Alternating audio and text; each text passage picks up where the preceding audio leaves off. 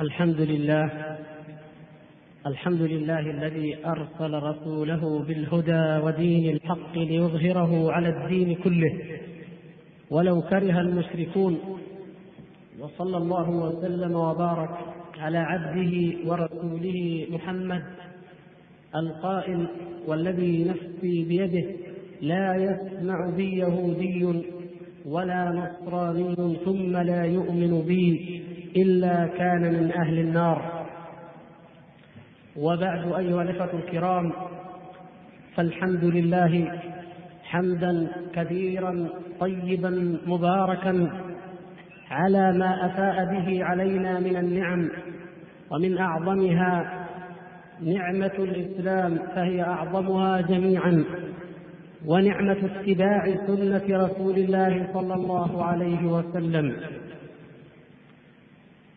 وإن الاجتماع واللقاء الحافل الحاسد الذي كان في الليلة الماضية وهو اجتماع عظيم مبارك إن شاء الله كما عبر عنه في هذا اليوم فضيلة العلامة الشيخ محمد بن صالح العثيمين حفظه الله قال لا أعلم في تاريخ المنطقة حفلا مثله وهذه شهادة من هذا العلامة الثقة على كبر سنه وغزارة علمه حفظه الله.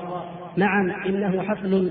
لا نقول إن المنطقة لم تشهد مثله فقط بل نقول إنه لم تشهد مثله منطقة أخرى. فنسأل الله تبارك وتعالى أن يبارك جهود الإخوة القائمين عليه. بل هم آباء ومشايخ. وأن يوفق جميع العاملين لإحياء سنة رسول الله صلى الله عليه وسلم وأن يحقق لهم نصره المبين الذي وعد به عباده المؤمنين. إنا لننصر رسلنا والذين آمنوا في الحياة الدنيا ويوم يقوم الأشهاد. وإنني لأعجز كل العجز مهما كانت العبارات عن شكركم. وعن تقديري لحفاوتكم وإكرامكم البالغ الذي لا أستحق جزءا يسيرا منه ولكنه طبعكم الكريم.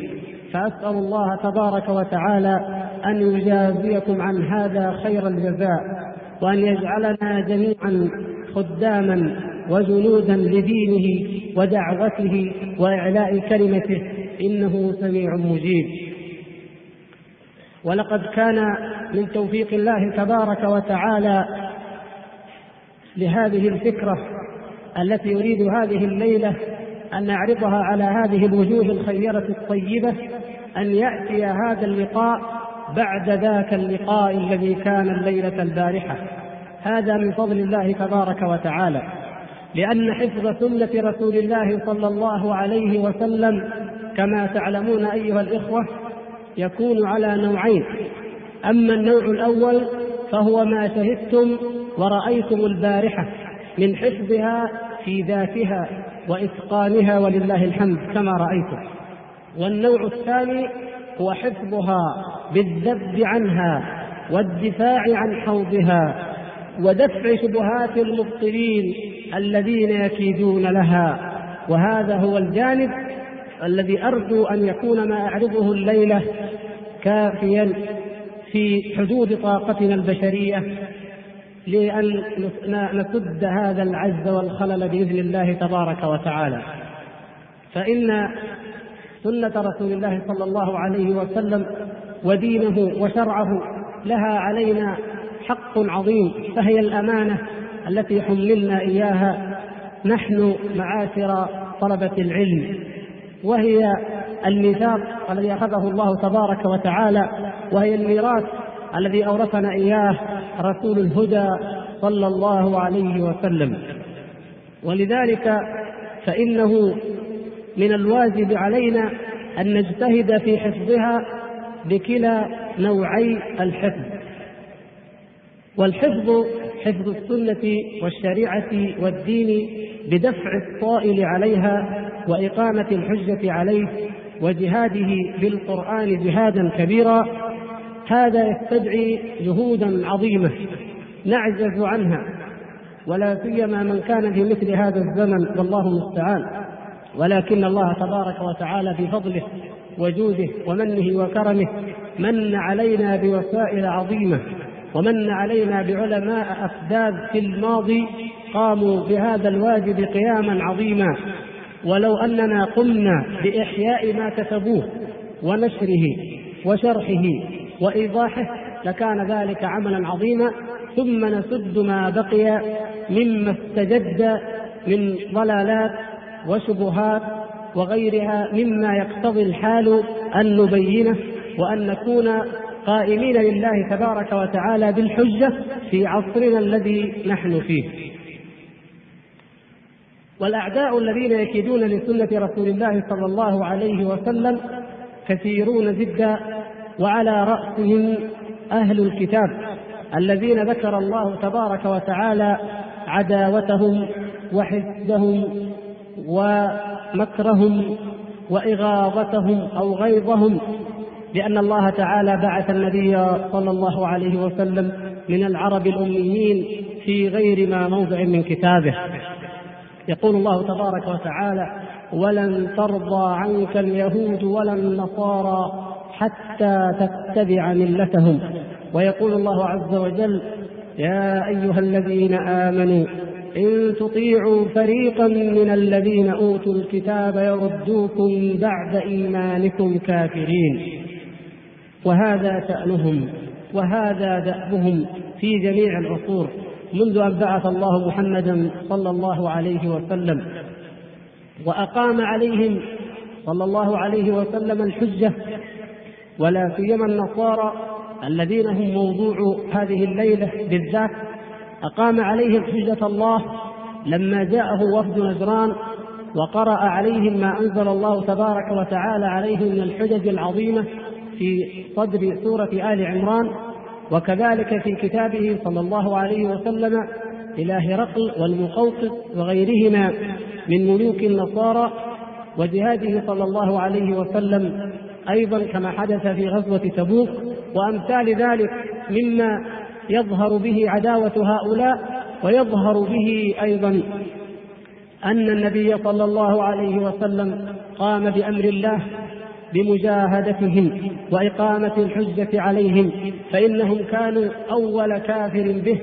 وبالذات اليهود ثم إنهم عادوه صلى الله عليه وسلم ثم إنه صلى الله عليه وسلم حذر أمته من عداوتهم وأخبر عن ذلك بأنهم في آخر الزمان فيجتمعون وينزلون بالأعماق أو بدابق لمقاتلة المسلمين.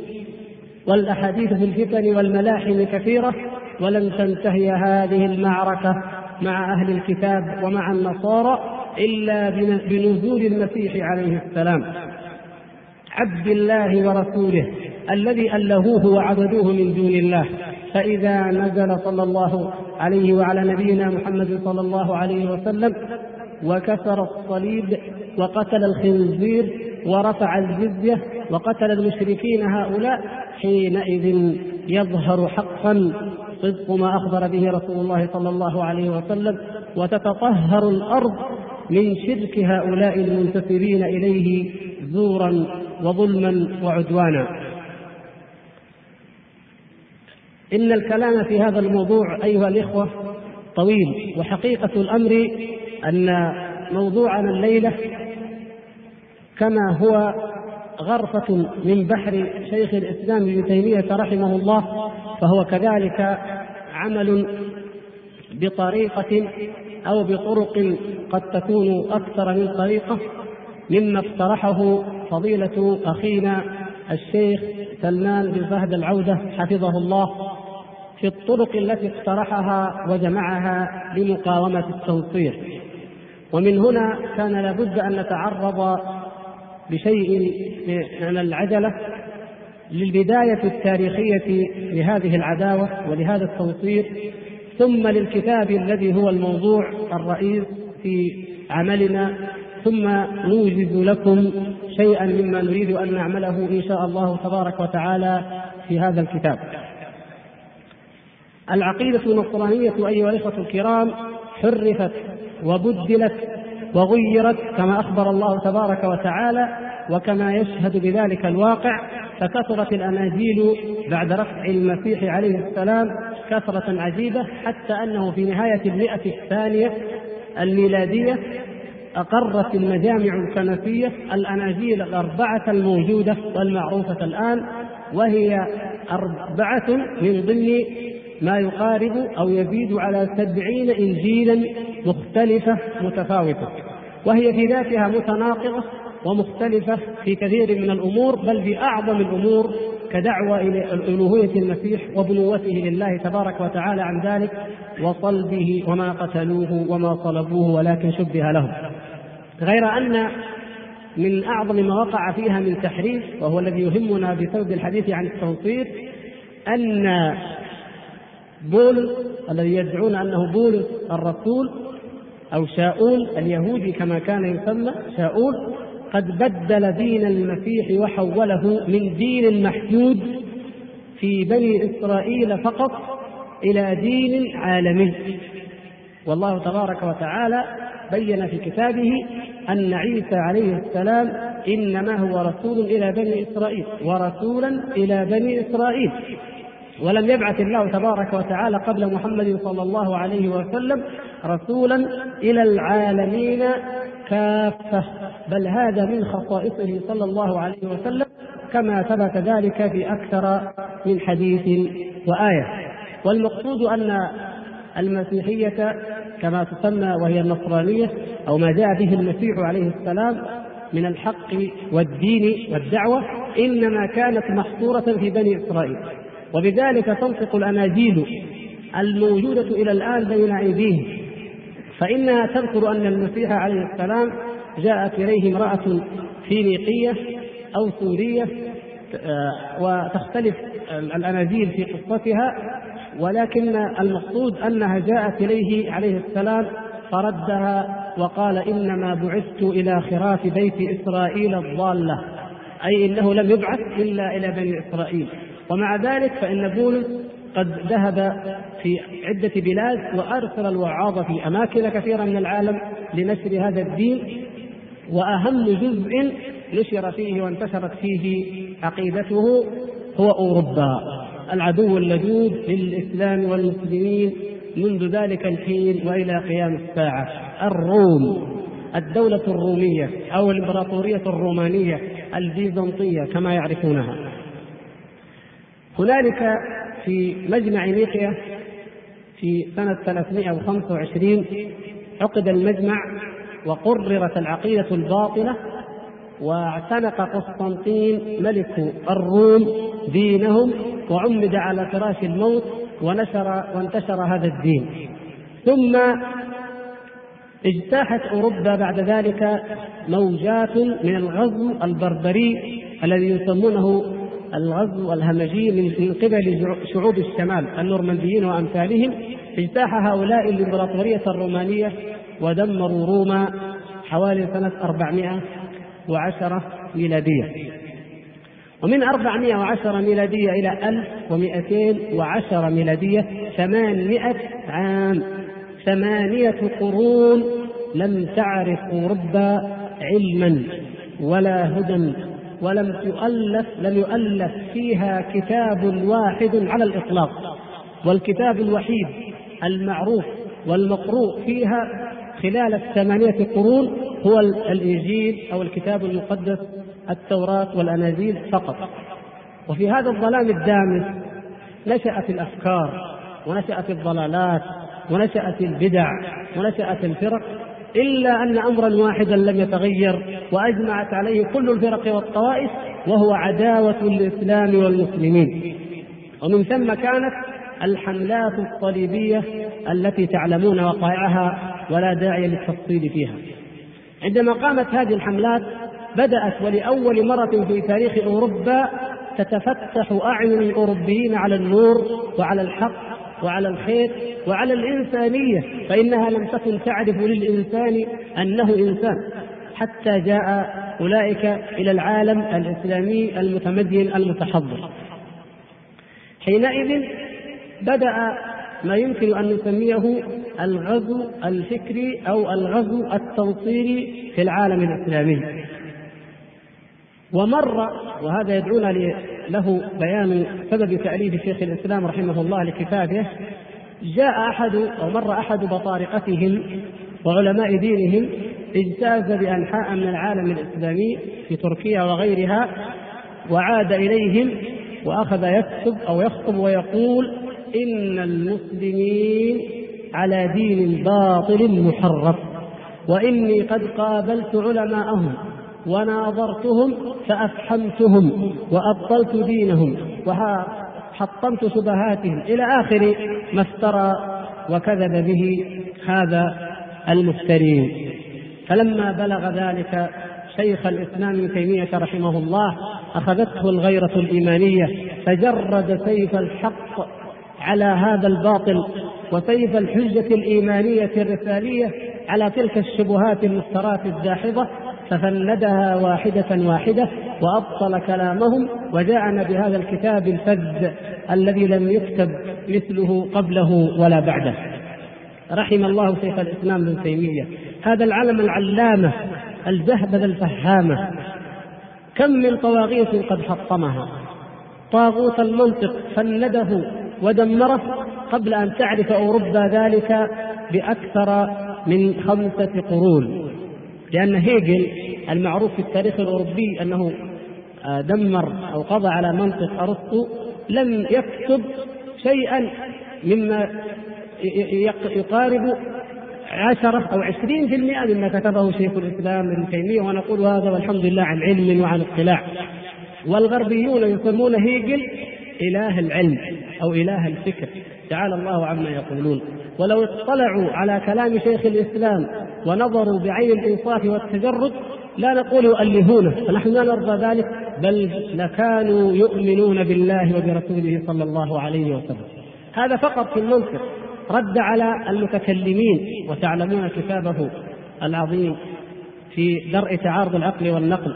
وكتابه الآخر نقض التأسيس وغير ذلك رد على الأشعرية رد على المؤولة رد على الرافضة بكتابه العظيم المشهور منهاج السنة.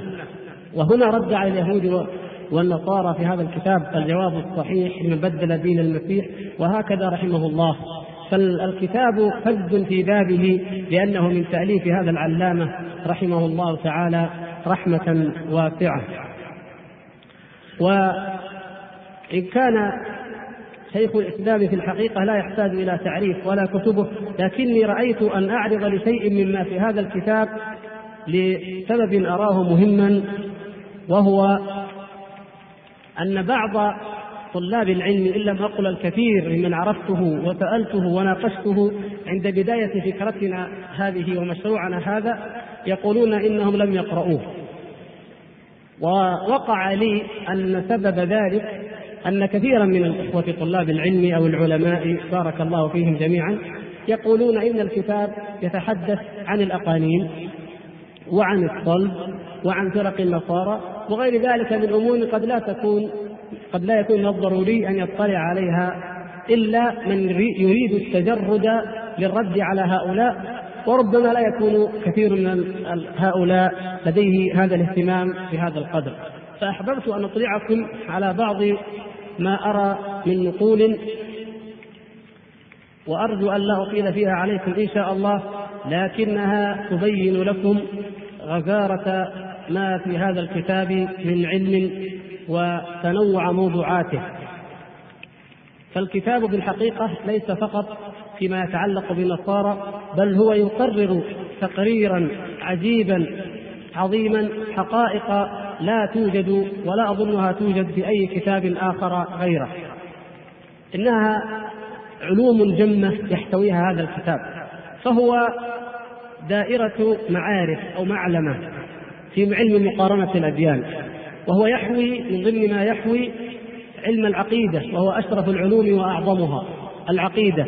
توحيد الأسماء والصفات قواعد عظيمة ذكرها رحمه الله تعالى فيه من ذلك القاعدة العامة في توحيد الأسماء والصفات المعروفة.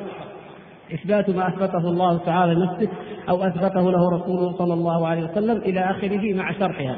ومن ذلك بيان حقيقة ما يضاف إلى الله تبارك وتعالى والتفريق بين ما يضاف إليه عز وجل من ذوات قائمة بأنفسها وبين ما يضاف إليه تعالى من المعاني التي لا تقوم إلا بغيرها. لأن النصارى يجادلون في كون المسيح كلمة الله أو روح الله فقرر هذه القاعدة رحمه الله وبين أن الذوات القائمة بها كما كما في قولنا أو في قول الله تبارك وتعالى ناقة الله أو في قولنا مثلا بيت الله أو ما أشبه ذلك هذه لا تكون صفات لله. وأما ما لا يقوم بنفسه من المعاني فإنها تكون صفات لله. وهكذا وفصل القول في هذا رحمه الله. ثم تعرض لعلم لتوحيد الألوهية وبين فيه حقائق عظيمة فيما وقعت فيه الصوفية واشباههم والنصارى من تعظيم الموتى والغلو الغلو فيهم الغلو فيهم إلى حد عبادتهم وما أحدثوه من البدع عند القبور والتصوير وأمثال ذلك في مواضع كثيرة وكيف وقع فيها النصارى ومن تبعهم من المسلمين. هذا أيضا جانب عظيم. ولا يخفى على أمثالكم أنه لو كتب للمسلمين اليوم أو ترجم أو حقق لهم كتاب عن الغلو في الموتى مثلا وحكم الاستغاثة بهم ودعائهم لربما رفضه الكثير وقالوا هؤلاء وهابية أو هؤلاء لا يؤمنون بكرامات الصالحين أو ينكرون حق الأولياء أو ما أشبه ذلك. لكن إذا قدم إليهم هذا ضمن الرد على النصارى تقبلوه لشدة حاجة المسلمين اليوم كما تعلمون إلى الرد على النصارى. فإذا قرأه المسلم فإنه يقرأه من باب معرفة باطل هؤلاء النصارى والرد عليهم. فيستفيد أنه هو أيضا يصحح عقيدته فتكون الفائدة مزدوجة. وسماحه الوالد الشيخ عبد العزيز حفظه الله لما عرضت عليه الفكرة سر بها يعني جدا وقال هذا عمل عظيم وهذا يعني كما قال حفظه الله قال عصفورين بحجر واحد. فهذا هذا ما يحققه هذا الكتاب إن شاء الله إذا ترجم بإذن الله كما سنبين. هناك أيضا علوم عظيمة من أعظمها ما يتعلق بالنبوة وإثباتها وحقيقتها والمعجزات. فقد ذكر رحمه الله أن هذا الكتاب يحوي أو, أو ذكر في هذا الكتاب أن معجزات النبي صلى الله عليه وسلم أو الآيات الدالة على صدقه تزيد عن ألف تزيد على الألف. وذكر نماذج عظيمة منها لا توجد مجموعة بهذه بهذا الإيضاح وهذا الأسلوب وهذه القوة وهذه الحجة في أي كتاب آخر فهو من أعظم الكتب في دلائل النبوة وإثبات نبوة رسول الله صلى الله عليه وسلم. في الكتاب أيضا مباحث وموضوعات عظيمة في علم التفسير كما مثلا في الآيات التي تتعلق بأهل الكتاب وأحكامهم وكما مثلا في في موضوع الصلب أو رفع المسيح أو كون ما من أحد من أهل الكتاب إلا ليؤمنن به قبل موته.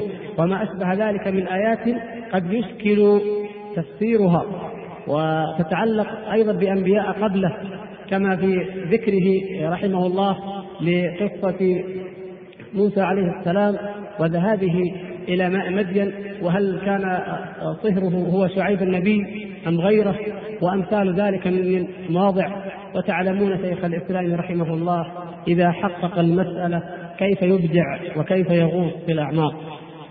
كما أن فيه تعرضا أيضا كثيرا لعلوم عظيمة كعلم الحديث وعلم المصطلح ومسائل فقهية عظيمة النفع جدا وربما لا تجد لا تجد تحقيق هذا في أي كتاب آخر من كتب الفقه. وكذلك تعرض لعلم النفس ولعلم الاجتماع. ولعلم الحكم ولعلم السياسة وقارن أحوال المسلمين في ذلك بأحوال الروم. بل إنه تعرض لعلم المنطق ونقده ونقد الفلاسفة وفند شبهاتهم في معرض رده على النصارى ومن وما احتجوا به من شبهات فلسفية. بل إنه رحمه الله تعرض لعلم الطبيعة. وله بهذا كلام قد نورد بعضه. وكذلك لعلم اللغة. ولعلم الترجمه عندما تعرض لترجمة الأناجيل والتوراة وأشباهها. ثم إن الكتاب فيه فوائد يتضمن فوائد علمية من نواحي أخرى. مثلا يتضمن الرجوع إلى مصادر مفقودة أو ربما تكون نادرة مخطوطة في هذا الزمن. يكشف عن اطلاع شيخ الإسلام ابن تيمية رحمه الله اطلاعا عظيما ودقيقا واسعا على واقع عصره وعلى أحواله وعلى الفرق التي هي فيه من أمور ثبتت صحتها الآن عندما يسر الله تبارك وتعالى وجمعت العلوم واستطعنا أن نعرف ما في أي مكتبة في العالم من كتب في الإسلام أو ضده. وهكذا من العلوم التي قد نعرض لبعضها إن شاء الله وإن كان الوقت لا شك يضيق عنها. فمن ذلك مثلا أنه رحمه الله تعرض للرد على النصارى وإبطال دينهم وإثبات أنهم على باطل بحجج عظيمة أذكر شيئا منها اجمالا. مثلا عندما بين أن النصارى أن دين النصارى باطل سواء صدقوا رسول الله صلى الله عليه وسلم أم كذبوه إن آمنوا به أو لم يؤمنوا فدينهم باطل. وإن قالوا إنه مبعوث إلى العرب خاصة كما هو قول بعضهم أو إنه ليس بنبي مطلقا فعلى أي التقديرين فدينهم باطل. وبين ذلك لأنه إن كان صلى الله عليه وسلم إن كان دينه حقا وهو كذلك طبعا فهو قد أخبر صلى الله عليه وسلم وبلغ عن ربه أن دينهم باطل فيلزمهم اعتقاد أن دينهم باطل. هذا موجز وإلا الكلام نفيس جدا. وإن كانوا يقولون إن دينه صلى الله عليه وسلم باطل كما هو قولهم طبعا الآن فإن يلزم من ذلك لأي عاقل منهم أن يكون دينهم باطلا لماذا؟ قال لأنه ما من طريقة وما من وسيلة تثبتون بها صحة دينكم إلا وقد ثبت في حق دين رسول الله صلى الله عليه وسلم أعظم وأكبر وأقوى فإذا بطلت هذه فقد بطل الأضعف والأقل والأدنى فعليه يكون دينكم باطلا. حجج عظيمة في هذه الصفحات ويضرب أمثلة تدل على على علم وعلى اطلاع. فيقول مثلا إن من قال إن هارون ويوشع وداود وسليمان كانوا أنبياء وموسى لم يكن نبيا هذا من هذا القبيل لأن نبوة موسى عليه السلام أعظم. أو من قال مثلا إن داود وسليمان ويوشع ويحيى كانوا أنبياء والمسيح لم يكن نبيا فهو أيضا باطل لأن دلائل نبوة المسيح أظهر. فكذلك من قال إن هؤلاء جميعا أنبياء ولكن محمد صلى الله عليه وسلم لم يكن نبيا فحجته داحضة لأن دلائل ظهور ذلك أعظم وأظهر. ثم أخذ يضرب أمثلة لطيفة جدا. يقول هذا مثل الذي يقول لو قال قائل إن زفر وابن القاسم والمزني والأسرم كانوا فقهاء. طبعا كل واحد منهم ينتمي إلى إيش؟ إلى مذهب من المذاهب الأربعة. لو قال أحد إنهم فقهاء وإن أبا حنيفة ومالكا والشافعية وأحمد ليسوا فقهاء لم يكونوا فقهاء. أو قال إن الأخفش وابن الأنباري والمبرد كانوا نحاة. وهم أقل طبعا. والخليل وسيبويه والفراء لم يكونوا نحاة. هذا مستحيل ولا يوافقه أحد من أهل هذا الفن. وأيضا لو قال أحد إن صاحب الملكي والمسيحي ونحوهما من كتب الطب انظروا سعه العلم كانوا أطباء. هذه كتب طب أقل ولكن بقراط وجالينوس ونحوهما لم يكونوا أطباء فقوله مردود عند الأطباء. يعني أصحاب كل فن يعرفون المتقدم في هذا الفن والأدنى ولا يمكن أن يقروا بصحة علم الأدنى ويتركوا الأفضل أو الأعلى. ثم قال أو قال إن كوشيار والخرقي ونحوهما كانوا يعرفون علم الهيئة جغرافيا وبطليموس ونحوه لم يكون له علم بالهيئة الجغرافيا الفلكية طبعا. ثم يعني كلام أن نفيس لولا الإطالة لا أكملته ولكن حسبكم أن تراجعوا الكتاب إن شاء الله أو حسبي أن أحيل إليكم فراجعوه. يستدل أيضا آه، على بطلانهم بدليل عقلي لا يستطيع أي عاقل مهما كان دينه أن يرده وهو الاستدلال بعدم التواتر بعدم التواتر فيما من حقه أن يثبت متواترا في عرف الناس والعقلاء أجمعين. مثلا يقول لو ادعى مدعي أنه يوم الجمعة آه، قتل أو يوم العيد قتل الخطيب ولم يصلي الناس الجمعة والعيد لا يصدق. قوله لأن هذا مما ينقل الأصل أن ينقل متواترا وأن يشتهر عند الناس ويستفيض أو أن بعض الملوك يعني هكذا قتل قتل علانية وهو في موكبه مثلا. هذا لا يمكن أن ينقله واحد وإنما يستفيض ويشتهر. أو ادعى أحد أنه بعث نبي بين المسيح ومحمد صلى الله عليه وسلم. أو بعد أو بعد محمد أو جاء بعد محمد صلى الله عليه وسلم. كتاب مثل مثل محمد صلى الله عليه وسلم أو جاء بكتاب مثل القرآن وهكذا. أو لو ادعى أحد يقول لو ادعى أن قريشا أو غيرهم عارضوا القرآن وجاءوا بكتاب يماثل القرآن لا يمكن. أو ادعى أن محمد صلى الله عليه وسلم أمر بحج البيت غير البيت العتيق أو أوجب صوم شهر غير شهر رمضان أو أوجب صلاة السادسة وقت الضحى.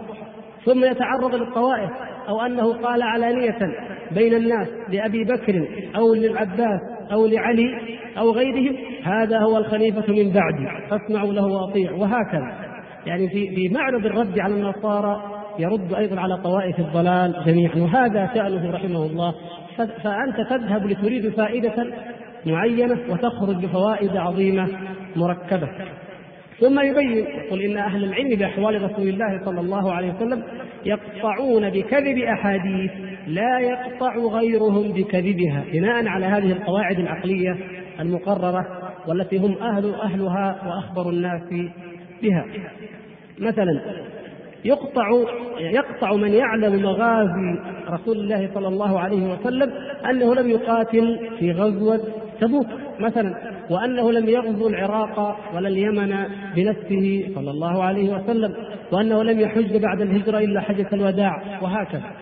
فلو أن أحدا أخطأ وروى حديثا في هذا الشأن فإن العلماء يعلمون قطعا أن هذا الحديث باطل ويستدلون به على أحد أمرين. إما أنه أخطأ وإما أنه تعمد الكذب على رسول الله صلى الله عليه وسلم. وهكذا. ثم ذكر أمثلة الحديث المشهور في في الوضع حديث لا تبقى إلا في خف أو حافر أو نص وكيف لما زاد عليه أو جناح علم أن هذه اللفظة موضوعة يعني يستطرد بك في علوم عظيمة فلا تريد أن تفارق هذا الكتاب ابدا. ثم يستطرد فيصل إلى القضية المهمة قضية النبوة. فيقول لو قيل إن مسيلمه الكذاب آه، لم يقاتل لأن النصارى يدعون ذلك ليستشهدوا على أن النبوة قد ظهر من يدعيها أو الرافضة يقول يقول الرافضة إنما قتل مسيلمة لأنه لم يؤدي الزكاة. وهذا رد عليها رحمه الله في منهاج السنة. فهو هنا يرد طبعا مجملا فيقولون ان إن الخليفة أبا بكر رضي الله تعالى عنه الصديق لم تجمع الأمة على خلافته بدليل أن بني حنيفة لم يبايعوا.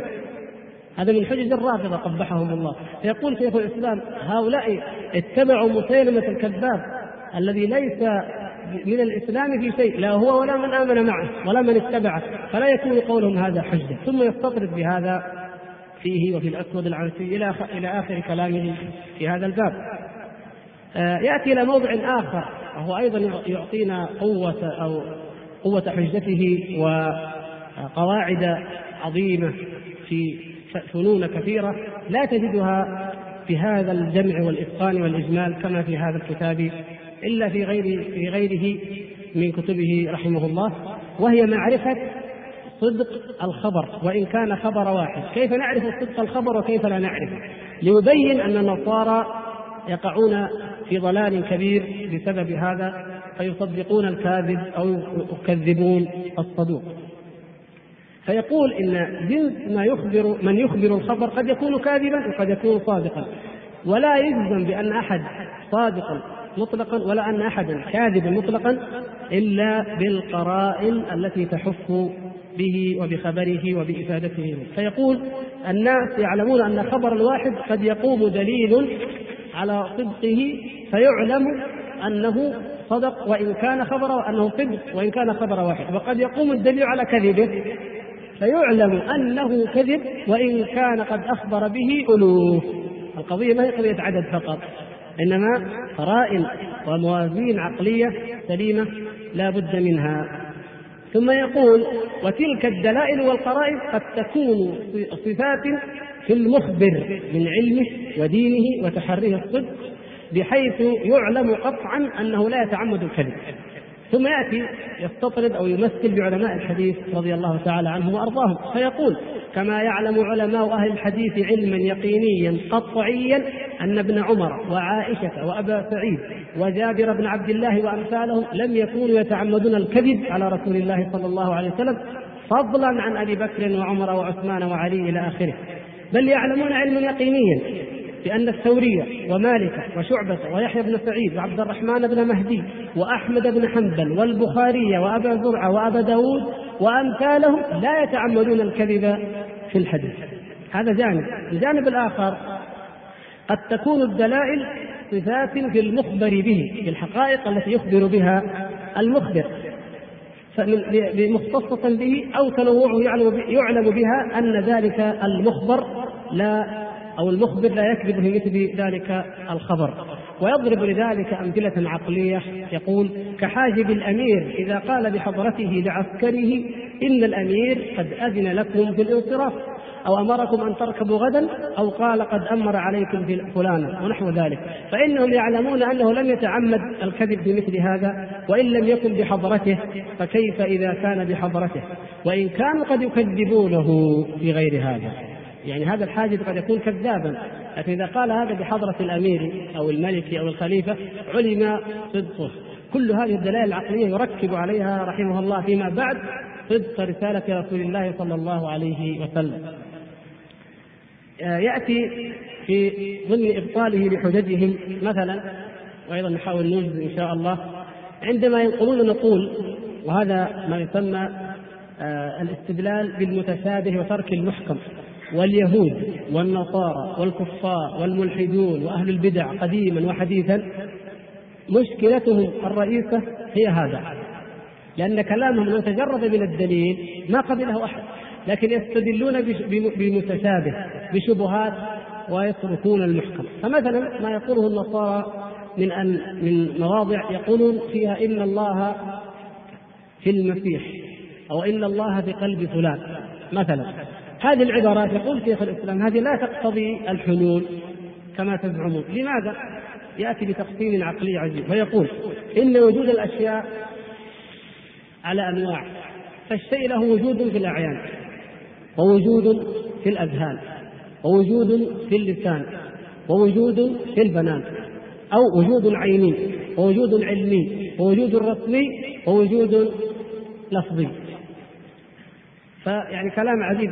لا نشرح هذا. الموجود بالأذهان الشيء الخارج الأجسام الخارجة في الأعيان. الموجود بالأذهان تصور هذا الشيء في الذهن. الموجود في اللسان نطقك به. كما تقول لم يرد مثلا لم يرد البخاري على لسانه. إيش تقصد؟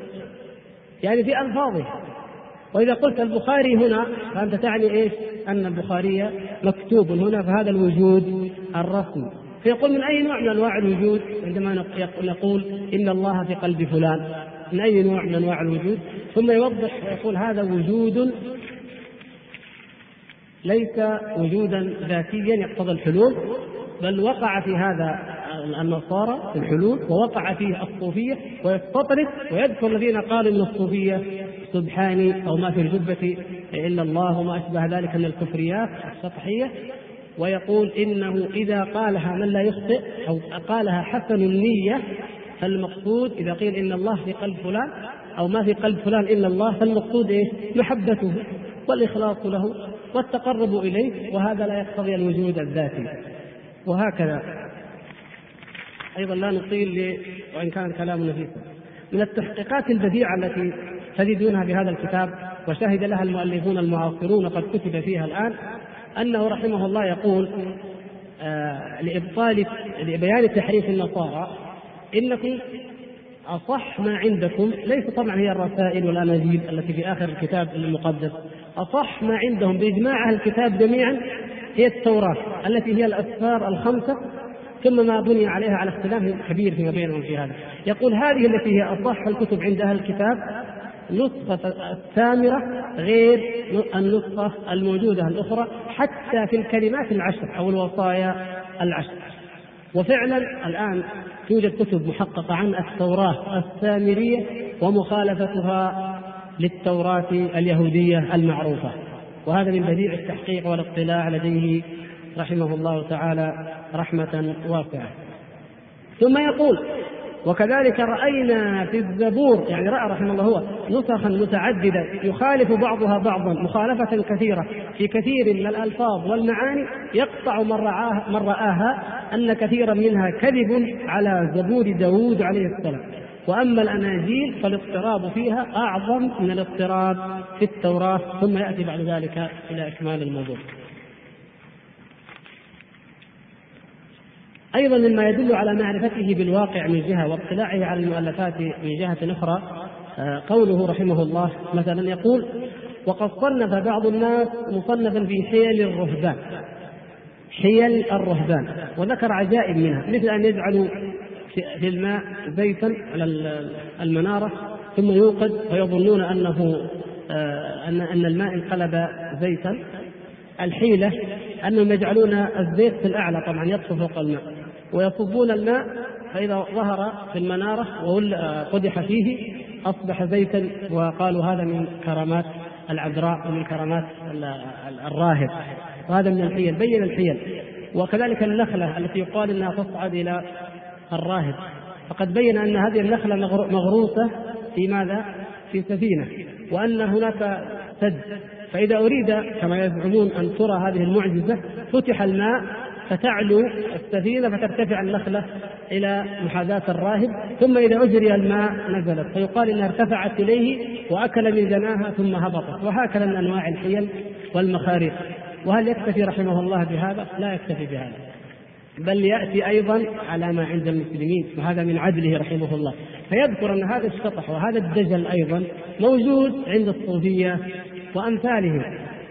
وأن هذه الأحوال الشيطانية والخواريق المخاريق البهتانية يوجد يقول عند أهل الإلحاد المبدلين دين محمد صلى الله عليه وسلم مثل هذا.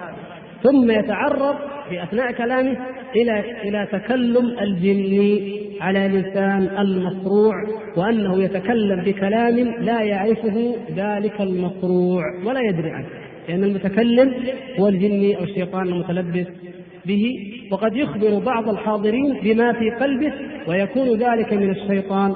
فإذا فارق الشيطان ذلك الشخص لم يدري ما قال. وهذا هو الواقع كما ذكر رحمه الله. يأتي إلى تقسيم العلوم. وكيف أنهم أن اليونانيين قسموها إلى علوم طبيعية وعلوم رياضية وعلوم إلهية أو يقول ما بعد الطبيعة. ثم يقسم العلوم وأحوال الناس فيها فيبين أن العلوم هناك علوم تجريبية وعلوم عقلية وعلوم حسية إلى آخر الأنواع التي لم يسبق رحمه الله إلى تفصيل القول فيها ولا عرفه الأوروبيون ولا الغربيون لم يعرفوه إلا في العصر الحديث فقط ثم لماذا يبين هذا؟ يبين ذلك ليبطل قولهم في التثليث نقد المنطق وإن كنت لا أريد الاطاله فيه لأن كثير من الإخوان ربما ربما لا يهمهم. من يعلمه لا يهمه لأنه لا لا يستفيد منها الذكي وكلكم أذكياء. الحمد لله. لا يحتاج إليها الذكي وكلكم أذكياء ولا يستفيد منه الغبي. لكن فقط موضوع مهم جدا في علم المنطق وهو في التعريفات ونحتاجه في جميع العلوم. أنهم يفرقون في التعريف بين الذاتي الذي هو جزء الماهيه وبين العرضي اللازم للماهية يأتي شيخ الإسلام هنا ويبطل هذا الكلام بحجج عجيبة يقول لا فرق بين هذا وهذا يقول إن ما يسمى تمام الماهية والداخل في الماهية والخارج عنها اللازم لها يعود عند التحقيق إلى ما يدل عليه اللفظ بالمطابقة أو أو إيش؟ أو التضمن الله يفتح عليك أو إيش؟ أو الامتثال الثلاثة المعروفة عندنا نحن فيقول كل ما يقولونه يرجع إلى هذه الثلاثة فليست المساله يعني أن تمام الماهية أو داخل في الماهية أو عرض لازم للماهية ويطيل في هذا كلاما طويلا ينقد فيه المنطق نقدا بديعا عجيبا ليصل به إلى نقد قولهم في الجوهر. وأن الأقانيم مركبة الجوهر هذا ذاتي هل هو ذاتي أو هو عرضي وكلامه في طبيعة المسيح وإلى غير ذلك. يأتي رحمه الله بعد ذلك مثلا يناقش قضية مهمة. آه بعض العلماء قالوا إن آيات جدال أهل الكتاب منسوخة. لماذا؟ قالوا بآيات الجهاد. آيات المجادلة منسوخة بآيات المجاهدة. نحن في هذا الزمن مع هذا الإفك الذي يسمونه الحوار الإسلامي المسيحي. الآن الدعوة بالعفو الآن يقولون لا قتال ولا جهاد وإنما القضية فقط. ما هي جدال؟ حوار. حوار فقط. أطراف متساوية تتعاون لتحقيق خير البشرية كما يقولون. يقتلون المسلمين في كل مكان ويريدون أن يخرجوهم من دينهم في كل مكان ويستغلون جوعهم وفقرهم ومرضهم فهو أسوأ وأبشع أنواع الاستغلال الإنساني لإخراجهم عن الحق إلى الباطل وعن النور إلى الظلمات ثم يقولون حوار بين الأديان من أجل مصلحة الإنسانية. يرد شيخ الإسلام رحمه الله على هذا ثم كالعادة لا يكتفي بالقول بأن المجاهدة لا تتعارض مع المجادلة وله في ذلك عدة ردود بل يستطرد يستطرد ليبين ما حقيقة النفس. ويعطينا مواضع مفيدة جدا وعظيمة ترد على من ينكر النسخ مطلقا. كما تعلمون بعض الأصوليين ينكرون النسخ مطلقا.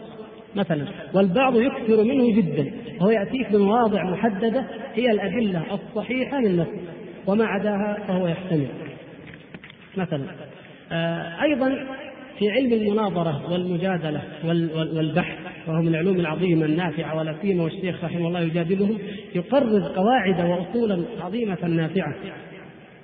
مثلا القاعدة المعروفة عند كثير من الناس كما ذكر رحمه الله أن النافي لا دليل عليه.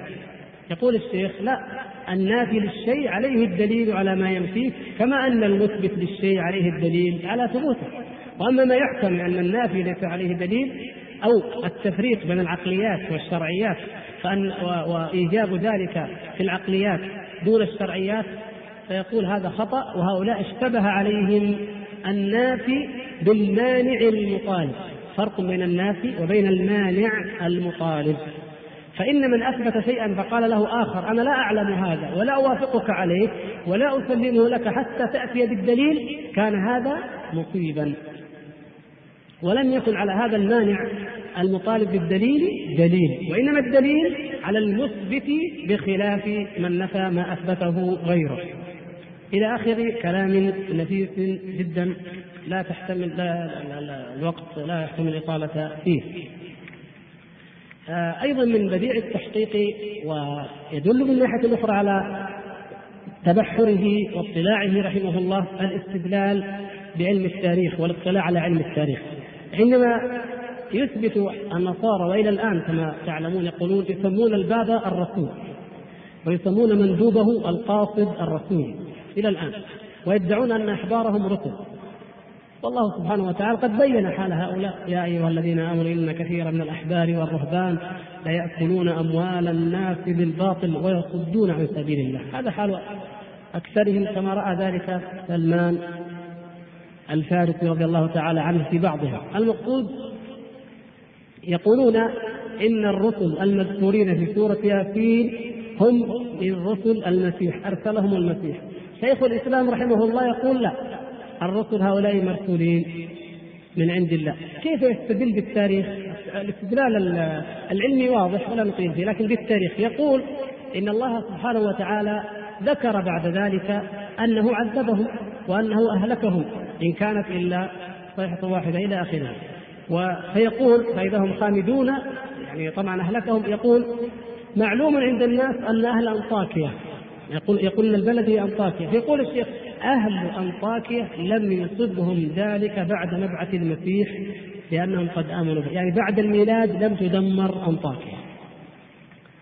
طيب هل يكفي هذا؟ لا يعطينا قاعدة عظيمة جدا في التاريخ قل من يتفطن لها من المؤرخين إلا من كان يربط التاريخ بالعلم النبوي بالإرث النبوي يقول ومما يبين ذلك أن المعروف عند أهل العلم أنه بعد نزول التوراة لم يهلك الله مكذبي الأمم بعذاب سماوي يعمهم كما أهلك قوم نوح وعاد وثمود وقوم لوط وفرعون وغيرهم بل أمر المؤمنين بجهاد الكفار.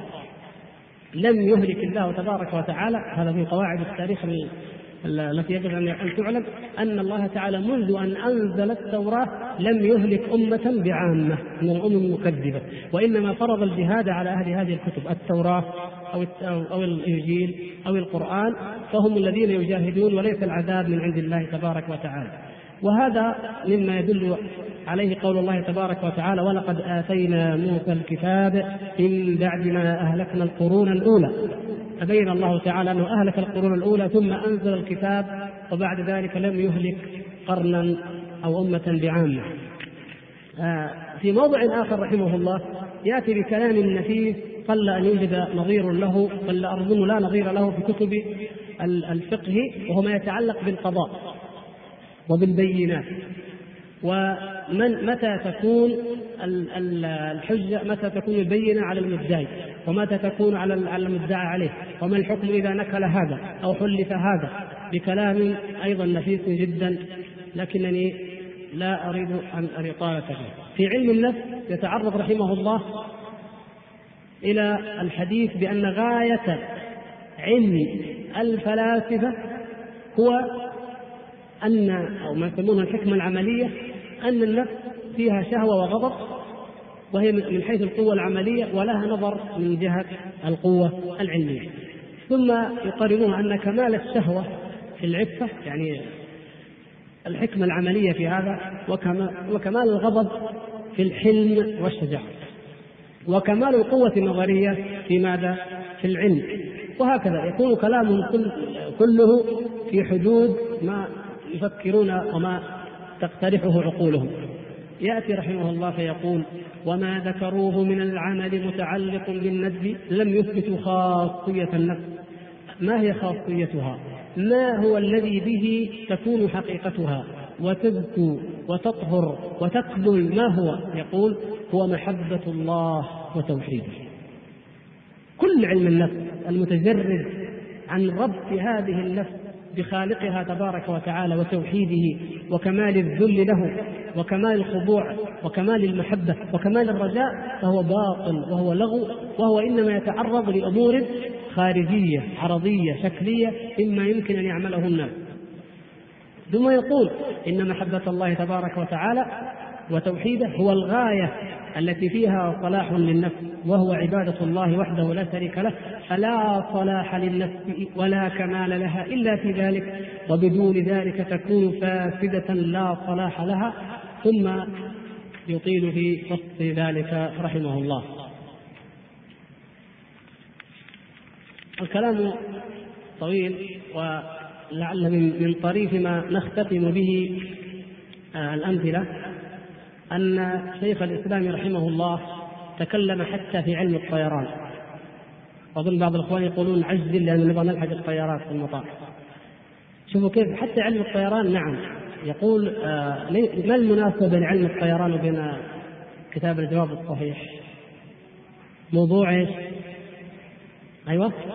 الله يفتح عليك. موضوع رفع المسيح عليه السلام. الفلاسفة ينكرون رفعه. لماذا؟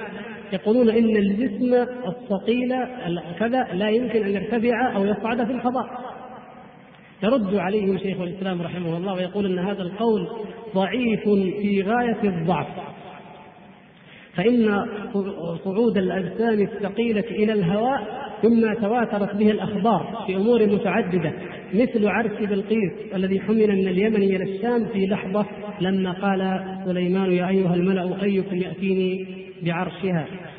ومثل حمل الريح لسليمان عليه السلام ومثل حمل قرى قوم لوط ثم إلقائها في الهواء ومثل المسرى إلى بيت المقدس. وانظروا كيف يعني حكمته رحمه الله. ما بدأ بالمثال المعروف لدينا جميعا لأنه يخاطب كفارا. بدأ بالأمثلة التي لا ينكرونها وفي كتبهم وآخر شيء يذكر مسرى رسول الله رسول الله صلى الله عليه وسلم ومعراجه إلى آخره. وأيضا لا بد أن يستطرد وأن يصحح العقيدة. يقول ورجال كثيرون في زماننا وغير زماننا يحملون من مكان إلى مكان في الهواء. وهو ما تفعله الشياطين مع الصوفية ومع أشباههم ثم يقول ومعلوم أن النار والهواء الخفيف تحركه حركة قصرية فيهبط. قصرية وفق قانون قوانين الفيزياء فيهبط. والتراب والماء ثقيلان يحركان حركة قصرية فيصعد وهذا مما جرت به العادة. يأذن هون؟ طيب. نتوقف لأذان إن شاء الله الحمد لله. لعل فيما تقدم كفاية من حيث أهمية الكتاب واشتماله على علوم جمة وموضوعات غزيرة متفرقة وأصول وقواعد عظيمة في علوم شتى. ولننتقل الآن إلى ما يجب أو ما نريد إن شاء الله أن نعمله تجاه هذا الكتاب القيم العظيم. والفكرة المبدئية هي أننا نريد نريد أن نترجم هذا الكتاب إلى كل اللغات الحية في العالم إن شاء الله. وما ذلك بإذن الله تعالى بعزيز ولا صعب المنال. إذا خلصت النية نسأل الله سبحانه وتعالى لنا ولكم ذلك وصحت العزيمة. وكان التعاون من إخواننا المسلمين على هذا العمل. ولا نريد الاكتفاء بالترجمة فقط بل لا بد من الشرح والتعليق والإيضاح لأن الأمور كما تعلمون في هذا الزمن كثيرا مما ذكر شيخ الإسلام يحتاج إلى إيضاح وإلى بسط بلغة العصر ثم نحتاج إلى ما لا بد منه وهو الفرق التي ظهرت بعد شيخ الإسلام ابن تيمية رحمه الله من النصارى. لابد أن نوضحها ونبين حالها ونرد على شبهاتها التي ربما لم لم ترد بهذا الكتاب. وكل ذلك يجب أن ينشر في العالم كله لأسباب لا تخفى على مثلكم. لكن لعلي أوجد لكم بعض البواعث التي حركت بهذا المشروع الذي أساسه هذا الكتاب. حقيقة أولا أننا ننظر إلى أننا نعيش في مرحلة كتلك المرحلة التي كانت الأمة الإسلامية تعيشها في أيام شيخ الإسلام ابن تيمية رحمه الله. فعندما كذب ذلك الراهب أو الأسقف وافترى ما افترى.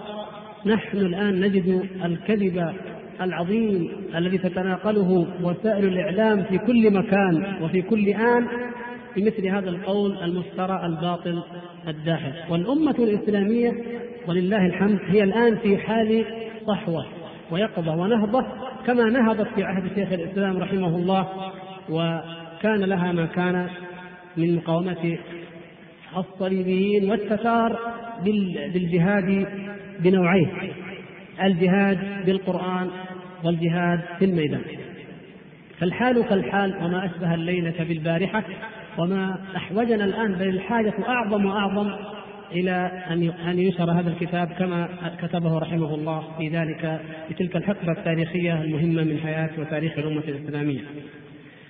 وأيضا نحن الآن نعيش هذا التحدي الصليبي المعاصر الذي يريد أن يدمر وجودنا وأن يسحق كياننا ألا يبقى لهذه الأمة وجود على الإطلاق. يريدون أن يملكوها عقيدة وسياسة واقتصادا وإعلاما ومناهج وفي كل منحى من مناحي الحياة وأن تصبح جزءا من ممتلكاتهم العريضة. وتصبح تابعا ذليلا لهم لا تملك مجرد مقوم من مقومات الذات أو الشعور بالذات وإنما أجزاء ممزعة ممزقة تابعة للغرب في ظل ما يسمونه النظام الدولي الجديد. وهذا التحدي جعلهم يتطاولون على ديننا وعلى رسولنا صلى الله عليه وسلم. وعلى هذه البلاد التي يعتبرونها أنها مقر الإسلام الأول وأنها لابد أن تدمر ويقام فيها دينهم تدمر العقيدة الصحيحة فيها لينتشر فيها دينهم الباطل. ولذلك كانت لهم جهود خاصة لنشر دينهم في هذه البلاد.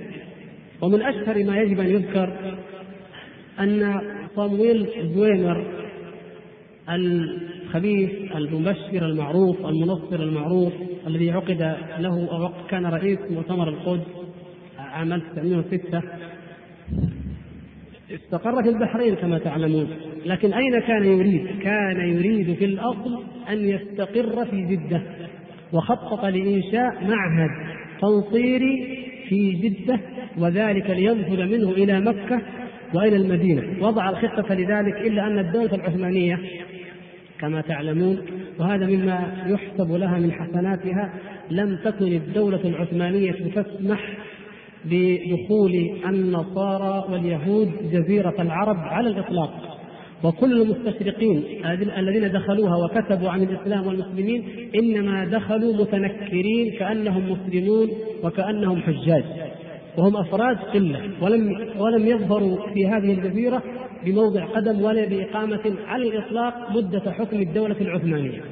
ولذلك ذهب إلى البحرين لأنها كانت مستعمرة بريطانية كما تعلمون وأنشأ المركز الذي لا يزال إلى الآن منطلقا لنشر النصرانية في هذه البلاد الطاهرة. وأحدثكم عن تجربتي أنا. جاءتني باسمي الشخصي وعلى عنوان رسائل تنصيرية واحدة منها اسمها البذور بمعنى البذور تتكلم عن الأناجيل ويريدون مني أن أدخل في دينهم الحق كما يزعمون. نعم هذا أنا لا أقول عن غيري وجاءت مئات من الرسائل تعلمونها وجاءت رسالة أخرى ليست بهذا الشكل ولكنها رسالة للحوار. كتبها أحد الذين درسوا الأديان وذكر اسمه وولايته وعنوانه وأنه يريد نوعا من المحاورة والمناظرة وأثبت أنه يكفر بكثير مما في الأناجيل وأن لديه شك فيما يعتقد المسلمون في بعض الأمور ويريد آه، أن نقدم له الرأي رأي الإسلام كما يقول في مثل هذه الأمور وهكذا. ولا يخفى عليكم كم تأتي في البريد مما آه، قد يتلف كثير منه فلا يدخل لكن الذي يصل يصل الإخوة وما يتجاوز الرقابة البريدية وكم من الأناجيل. وكتاب عاصمة الصحراء الذي كتب بعد الحرب الأخيرة بين الغرب والعراق. يعني يريدون بالعاصفه من جانب آخر وهو نشر دينهم. والذي رد عليه الشيخ أحمد ديدات بكتيب صغير بنفس العنوان. وهكذا فذكروا بما لا يتسع المقام الآن لشرحه أنهم يطمعون في تنصير أبناء هذه البلاد والحقيقة آه التي يجب أن نضيفها هنا وهي أيضا من البواعث على الترجمة أنني دعوت الإخوة منذ أكثر من سنتين إلى أن أن كل منا يبدي رأيه. قلت كل أخ يبدي رأيه كيف نحارب التنصير والحمد لله جمعت لدي رسائل كثيرة واقتراحات عظيمة ونافعة.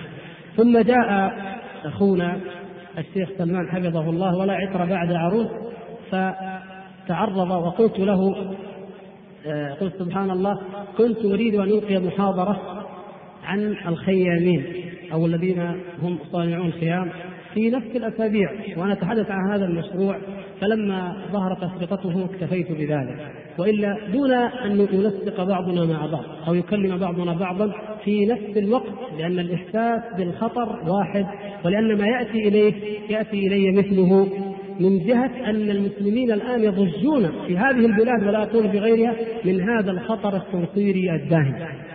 فجاء الشعور واحدا مشتركا. فجاءتني الحقيقة عدة آه، اقتراحات وحلول وكان منها أن نقوم بعمل علمي إذ نحن لا نستطيع أن نجاهدهم بالسيف ولا نستطيع أن ننشئ الجمعيات ذات الأموال العريضة كما يفعلون فما الحل إلا أن نجاهدهم بالعلم والبيان. فكان أن اخترت أو عزمت بفضل الله وتوفيقه على أن نترجم هذا الكتاب. هذه النشرة إحدى النشرات التي وزعت ربما رأيتموها بعنوان هل تعلم؟ أقرأها عليكم على عجل من إصدار الندوة العالمية للشباب. نشرت المجلة الدولية لإبحاث التنصير أولا عددهم عدد النصارى في العالم مليار وسبعمائة وواحد وعشرين مليون. عدد المنظمات التنصيرية في العالم أربعة وعشرين ألف وخمسمائة وثمانين منظمة. هذا هذا قبل ثلاث سنوات.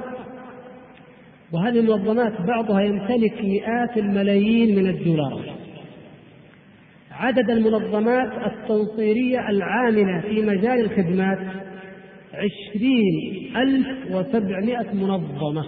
هذه مجال الخدمات العامة الطب الإغاثة وما أشبه ذلك. عدد المنظمات التنصيرية التي ترسل منصرين يتخرجون من معاهد لاهوتية عليا ويذهبون للتنصير ثلاثة آلاف وثمانمائة وثمانين منظمة. عدد المعاهد التنصيرية التي تخرج ألف وسبعمائة وعشرين معهدا. نحن نفرح والحمد لله كما رأيتم البارحة أن يوجد مركز في العالم الإسلامي أو مقر لتحفيظ سنة رسول الله صلى الله عليه وسلم أو مقر مثلا لتحفيظ القرآن أو ما أشبه ذلك. لكن انظروا هؤلاء المعاهد تقارب مئة ألف معهد. وإذا توقعنا وطبيعي أن يفتحوا في خلال الثلاث سنوات معاهد أخرى فالمئة الألف تكون رقما واقعيا مئة ألف معهد يخرج القساوسة بنشر هذا الدين. سبحان الله العظيم. والله الذي لا إله غيره لولا أن هذا الدين حق لما بقي له قائمة دين الإسلام. ولولا أن دينهم باطل لما بقي على ظهر الدنيا إلا نصران. جهود عظيمة مئة ألف معهد. لا يحسبون الدورات السابقة هذا المعاهد الثابتة الدورات الطارئة هذه ما تحسب ولهم دورات ولهم جولات ولهم الأمور أخرى لكن هذا فقط المعاهد. عدد المنصرين في البلدان الخارجية غير الأصوليين الانجيليين في أمريكا وأمثالها 273770 منصرا. وهؤلاء أيضا المتفرغون كلية للتنصير إحنا نفرح لما مثلا يقوم مؤسسة والحمد لله بدأت مؤسسات تقوم هنا في المملكة مثلا تكفى العشرة دعاة 20 داعية يدعون إلى الله. الرئاسة العامة ما شاء الله الافتاء والدعوه والارشاد عندها أظن كم؟ 300 داعية. الخارج الرابطة يمكن 200 و300 الحمد لله. ونعم الحمد لله الذي لا يحمد على مكروه سواه هؤلاء على الباطل عندهم هذه الأنوثة. هذا في الخارج غير الداخل. وهذا التفرغ الكلي. أما الإجابات ففي أمريكا. وهذا شيء يعرفه الإخوة المسلمون حتى هم في أمريكا. يمكن أن يستخدموه يعني. أي موظف أمريكي يقدم على عمله انني أريد أن أتبرع بسنة أو سنتين أو أكثر للعمل الدعوي، العمل التوصيلي الخيري يرسل إلى تلك البلاد وتسهل له الإمكانيات ويظل راتبه وخدمته أيضا تمشي في قطاع العمل الذي يعمل فيه. كما يشاء، كما يحب ان يعمل ثم يرجع بعد ذلك إلى عمله بعد أن يقوم بالخدمة التي أراد وهذا أمر معلوم. إذا أراد أحد أن يتبرع فما يتبرع به يقتطع من الضرائب التي تستحق عليه وتأخذها الحكومة منه. فسواء أعطيت الحكومة ضرائب أو دفعت للكنيسة لا فرق عندهم نظاميا ولهذا يلجأ الناس إلى أن يدفعوا للكنائس ونذكر لكم كم يدفعون. عدد الكتب المؤلفة لأغراض التنصير 22100 كتاب وهذا بجميع اللغات بل بجميع اللهجات. وقد وزع ورأيته في جدة آه، فقرات من الأناجيل بجميع اللهجات باللهجة المصرية واللبنانية والجزائرية والعربية هنا الجزيرة عجيب باللهجة من كثرة تعمقهم. انتهت اللغات 1200 لغة ترجم انتهت اللغات فأخذوا يترجمون إلى اللهجات آه، المجلات والدوريات والنشرات 2000 و270 نشرة ومجلة وبجميع اللغات والبعض منها يطبع ملايين النسخ. ولا نقول عشرات الألوف بل ملايين من النسخ إما شهريا وإما أسبوعيا. محطات الإذاعة والتلفاز العاملة لأغراض التنصير 1900 محطة. وبعض هذه المحطات ينشر عبر الأقمار الصناعية إلى 100 بلد أو أكثر. الوسائل الكمبيوتر الأقمار الصناعية الطائرات. رأيت فيلما عن التنصير. سبحان الله العظيم. بالطائرات يطيرون بطائرة خاصة مجموعة من الدعاة المنصرين حتى يقعوا على مكان في الغابة أو في أعلى الجبل فيه من الهنود الحمر مثلا أو غيرهم. يأتون إليهم وهم في قذارتهم وعريهم فيأتون إليهم ويغسلونهم بأيديهم يغسلون بالشامبو والصابون وينظفه ويلبسه ويعالج أمراضهم ثم يدعوهم إلى النصرانية بالطائرة. فكل الوسائل مهيئة لهم بشكل وقد لا نصدقه نحن. مطارات مستشفيات مطاعم أمور عجيبة مع أنهم قد يبقون في البلد الواحد عشر سنوات ولا يتنصر ولا واحد تضحيات وجهود مبذولة مع أن النتائج غريبة في الضآلة. ونحن والحمد لله إذا نشر كلمة أو شريط يسلم الناس يسلم أناس. والحمد لله يمكن حضر الإخوة الدرس الأحد الماضي كم أشهر إسلامه؟ أربعة أربعة عشر والحمد لله. من عرض بسيط للإخوة قاموا به لهذا الدين.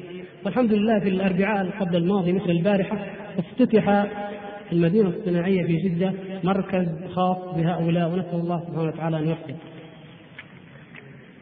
بلغ مجموع التبرعات الكنسية لأغراض التنصير كم؟ 151 ألف مليون دولار. يعني إذا قدرنا ميزانية المملكة العربية السعودية كما تعلمون بما يعادل 15 ألف مليون دولار فمعنى ذلك أنهم في عام واحد في سنة واحدة فقط يتبرعون للتنصير بما يعادل ميزانية المملكة عشرة أضعاف وأكثر. أكثر من عشرة أضعاف. ونحن إذا فكرنا في إنشاء مشروع قلنا هذا المشروع يكلف عشرة ملايين وضع الناس أيديهم على رؤوسهم. عشرة ملايين من فين يا شيخ؟ نعم من فين؟ لكن أقول هذا المشروع سنعرضه على الأمة ونطرحه عليها وهي وغيرتها. طيب الأمة وغيرتها الأمة وشيمتها الأمة وإيمانها. إنما الذي علينا نحن أن نتقن الترجمة ونقدمها ثم لا بد أن تطبعها بإذن الله وأن تنشرها.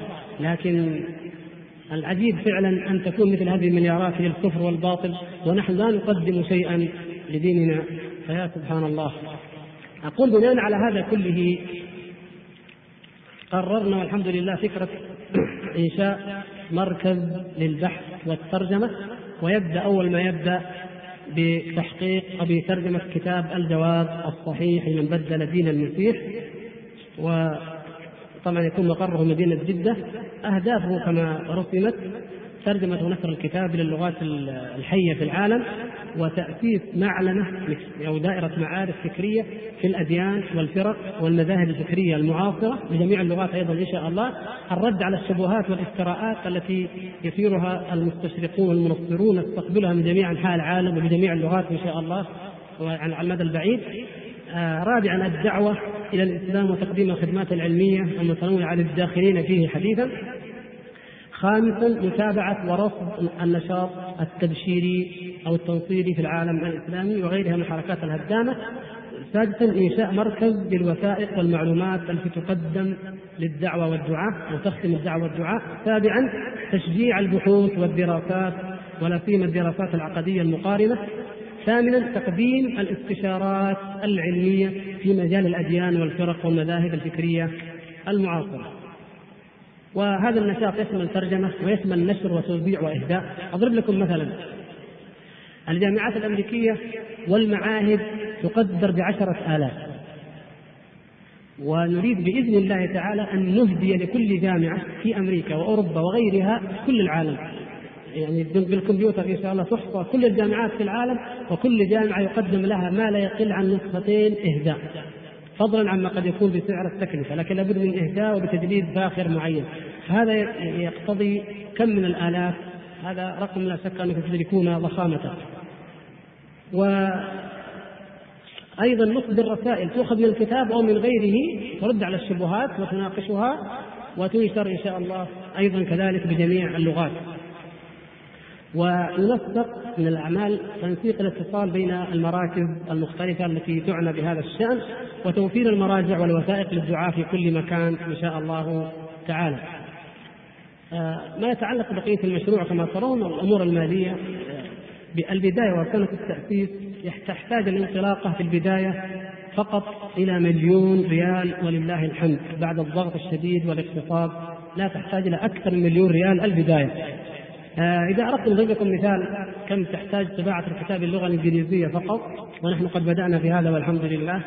والمترجم أخ أمريكي مسلم آه درس اللاهوت في بلاده ثم هداه الله للإسلام وتعمق فيه والحمد لله. وأصبح يفهم كلام شيخ الإسلام فهما جيدا والحمد لله. وقد كدت أن آتي به معي لكن كان الوقت لم يناسب الحج وإن شاء الله ترونه بإذن الله إذا زرتمونا هنالك. هو الآن بدأنا به للغة الإنجليزية لنجعلها أصلا ثم بعد ذلك يستعين بها من يترجم إلى غيره مما هو قريب منها من اللغات اللاتينية إن شاء الله. المهم اللغة الإنجليزية هذه فقط إذا أردنا أن نطبع 500 ألف نسخة وتكلفة المجلد من ستة مجلدات تقريبا وقد يزيد عشرة ريالات فقط ومعنى ذلك أن ترجمته للإنجليزية فقط يكلف 30 مليون ريال. إذا أردنا الإنجليزية والفرنسية ستكون 60 مليون ريال. وقف على ذلك بقية اللغات. عرضنا الموضوع على مشايخنا الكرام فأيدونا كل التأييد. وهذه هذا تأييد آه، سماحة الشيخ عبد العزيز حفظه الله. ومما قاله فيه عن الكتاب. طبعا المهم ما يتكلم به عن الكتاب. والترجمة يقول العمل عظيم ونافع للمسلمين وغيرهم كما تقدم والكتاب عظيم ونفعه كبير والمؤلف معروف لدى العلماء وغيرهم بإمامته وعلمه الغزير وقيامه بالرد على طوائف المشركين والمبتدعة رحمه الله رحمة واسعة وأسأل الله أن يضاعف لكم المثوبة إنه جواد كريم. آه شيخنا الشيخ محمد العثيمين حفظه الله أيضا زكى المشروع ويقول آه، قرأت كتابكم كذا المتضمن ترجمة كتاب شيخ الإسلام رحمه الله الجواب الصحيح. يقول آه، حفظه الله. ولا شك أن نشر مثل هذا مثل هذا الكتاب فيه فائدتان. إحداهما دفع الشبهات التي قد يضل بها من يضل من المسلمين. والثانية بيان الحق لمن أراد الله تعالى هدايته من النصارى إذا قاموا صادقين ونظروا بعين العدل والإنصاف وهم إذا اهتدوا إلى الإسلام وكانوا من أهله يرجى. فيرجى أن يؤتوا أجرهم مرتين يعني كما جاء في الحديث الصحيح. يقول أنا أؤيد مشروعكم هذا لما فيه من الخير الكثير والنفع العميم وفقنا الله وإياكم لما فيه رضاه ونفع عباده. وشكر الله لفضيلته الحقيقة الشيخ محمد هو أول من تبرع نقديا لهذا المشروع. جزاه الله خيرا. وأما سماحة الشيخ عبد العزيز فتعلمون ولا يخفى عليكم أيضا كرمه فإنه كتب لبعض التجار ويريد أن يجمع مبالغ ثم بعد ذلك يقدمها لنا فكتب باسمه حفظه الله إلى عدد من التجار والأعيان والمسؤولين وكل من يرى أن يكتب له ليجمع المبلغ لما رأى أنه بهذه الضخامة. ثم نبدأ إن شاء الله. فالآن الموجود لدينا هو ما تبرع به فضيلة الشيخ محمد العثيمين حفظه الله. ولا شك أن المشروع يحتاج إلى الجهد العلمي وإلى الجهد المادي وإلى التعاون من جميع جوانبه من الاخوه الكرام المسلمين في كل مكان هذا وأستغفر الله العظيم وأسأله لي ولكم الإخلاص والتوفيق والسداد إنه سميع مجيب. أما بالنسبة لأسئلتنا التي أرجو الا تطول فسبحان الله كان الشعور موجودا فكانت الأسئلة عدد منها ليس باليسير عن هذا المشروع والشيخ لم يطرحه إلا متأخرا. يقول هذا السائل لو قمتم بتلخيص كتاب شيخ الإسلام رحمه الله ليتسنى لعامة المسلمين مع المسلمين معرفة دينهم دين هؤلاء النصارى ومنهجه ومنهجهم والرد عليهم وأظن هذا العمل من أحسن الطرق لمقاومة التنصير وكذلك يقترح ترجمة هذا الكتاب إلى اللغات الأخرى. طيب يضمن الاقتراحات الموجودة إن شاء الله. إن شاء الله. هذا يقول أقترح أن يقوم أيضا فضيلة الشيخ باختصار مثل هذه الكتب المهمة وترجمتها إلى اللغات العالمية لتوضيح بطلان عقائد هؤلاء. وهذا آخر يقول فضيلة الشيخ أهمية ترسيخ عداوة اليهود والنصارى للمسلمين وعداوتهم لنا كما بينها الله سبحانه وتعالى في القرآن الكريم هذه من الأهمية بمكان. يقول وفي الآونة الأخيرة هناك محاولة لطمس مثل ذلك في المناهج الدراسية فما هو دور المدرسين لترسيخ ذلك لدى الناشئة؟ يعني نوجد جدا طبعا في الإجابة لكثرة الأسئلة. أقول إن المنهج يجب أن يتضمن ذلك فإن لم يتضمنه أو حذف منه كما بلغنا ورأينا فالواجب أن يتدارك أولا المنهج ليصحح ويعود بل يضاف إليه الآن مثل ما يضيفون من العداوات نضيف زيادة تكافئ ذلك في المنهج. وثانيا يعوض ذلك ويكثف أيضا في المحاضرات والمواعظ والدروس العلمية وبكل وسيلة إعلامية ممكنة فإنها قضية الولاء والبراء من أعظم القضايا وهي من أهم التي الأمور التي تعاني منها الأمة الآن وتحتاج إليها. أي معرفة عداوة هؤلاء أهل الكتاب لنا؟ هذا أحد الإخوة يقول ما هي الكتب أو الكتيبات التي مكتوبة بلغة غير العربية والتي تصلح لدعوة النصارى أو غير المسلمين عموما؟ هذه كثيرة والحمد لله ويوجد بفضل الله تعالى الآن ترجمات آه، طيبة وصحيحة المعتقد يترجمها إخوة فضلاء منهم الأخ أبو أمين بلال فيليب الموجود في الرياض وأيضا كتاب التوحيد ترجمه إسماعيل فاروقي رحمه الله وبعض الكتب التي ترجمها أيضا بعض المسلمين في أمريكا والحمد لله في الفترة الأخيرة أخذت تنحو المنحى السلفي الواضح العقيدة المتميز ونحن إن شاء الله من جملة الأعمال التي نسعى إليها إن شاء الله ضمن هذا المشروع الكبير آه، ترجمة مثل هذه الكتب أو تصحيح ما فيها من أخطاء وأيضا إن شاء الله إعادة طبعها وعمل الدعاية اللازمة لها وإمداد مكاتب الدعوة في الجاليات دعوة الجاليات وأمثالها بها بإذن الله. سائل آخر يقول فضيلة الشيخ نسمع كثيرا عن التعميد ولكننا لا نعرف معناه وإنما الذي نعرفه أنه من طقوس النصارى. فأفيدونا أفادكم الله. آه، التعميد عند النصارى هو أن يغمس المولود أو الداخل في دينهم بالماء آه، إذانا بدخوله في هذا الدين. ويقولون إن يوحنا الذي هو يحيى عليه السلام قد عمد المسيح عليه السلام فأصبح ذلك سنة وعادة عندهم وكلما يعني احتاجوا إلى ذلك أو ولد له مولود حسب طقوسهم فإنهم يغمسونه يأتي القسيس ويغمس الرجل ذلك في الماء ويقرأ بعض الأوراد والأذكار المعينة عندهم ويكون بذلك قد عمد فأصبح هذا إيذانا بدخوله في الدين أو بالتزامه به مثلا بعد أن كان تاركا لبعض شعائره. وهنا بهذه المناسبة أقول الإخوة وهذا ما قرره شيخ الإسلام رحمه الله في مواضع وهو معلوم من الواقع أن النصارى يختلفون بشرائعهم اختلافا عظيما جدا. تختلف طوائفهم بشرائعهم مثل ما تختلف في عقائدهم. يعني كما يقول ابن القيم رحمه الله لو التقى عشرة من من النصارى وسئلوا عن عقيدتهم هذا في الأصل لافترقوا على أحد عشر قول رحمه الله من كثرة خلافاتهم. فأما في الشريعة فأيضا الخلاف شديد وعظيم والشرائع الثابتة في التوراة والأناجيل مغيرة ومنسوخة ومبدلة حتى القبلة حتى الصيام حتى كيفية الصلاة مغيرة ومنسوخة بعمل بولس وأتباعه الظاهر أي ماء الذي يعرفه أنه أي ماء لكن يعني قد يكون لديهم طبعا بعض المياه المفضلة. وهذا سائل آخر يقول ما رأيكم في حذف موضوع الحروب الصليبية من منهج السنة الثانية المتوسط في مادة التاريخ؟ فيعتبر حديثكم عن النصارى أو باعتبار حديثكم عن النصارى ولذلك نريد توجيه كلمة وتبين ذلك لمن يقوم في خدمة التعليم. وفقكم الله. حقيقة يعني بلغني هذا واطلعت بنفسي على المناهج ورأيت ذلك و قلت أحد أمرين. إما أن يكون قد نقل أو رحل كما يقولون إلى مرحلة أعلى يعني من باب حسن الظن. ونرجو إن شاء الله أن يكون كذلك. أن أن يقال أن أن يوجد من أهل الغيرة من يقول في وزارة المعارف إن الحروب الصليبية خطيرة وعظيمة وتحتاج إلى بسط وإلى إفاضة فتوسع وتنتقل إلى سنة أخرى. وإن كان الاحتمال هذا قد لا يرجح لكن نرجو أن أن يكون موجودا. وأما الاحتمال الآخر فهو أن تكون حذفت لئلا تجرح مشاعر اليهود والنصارى. وربما هذا يؤثر أو يغضب بعضهم كما منعت فتاوى بعض العلماء وقيل إنها قد تجرح مشاعرهم مع الأسف. فيكون هذا جزءا من إبعاد هذه الأمة عن عقيدة الولاء والبراء سواء كان القائم بذلك يعلم أو لا يعلم.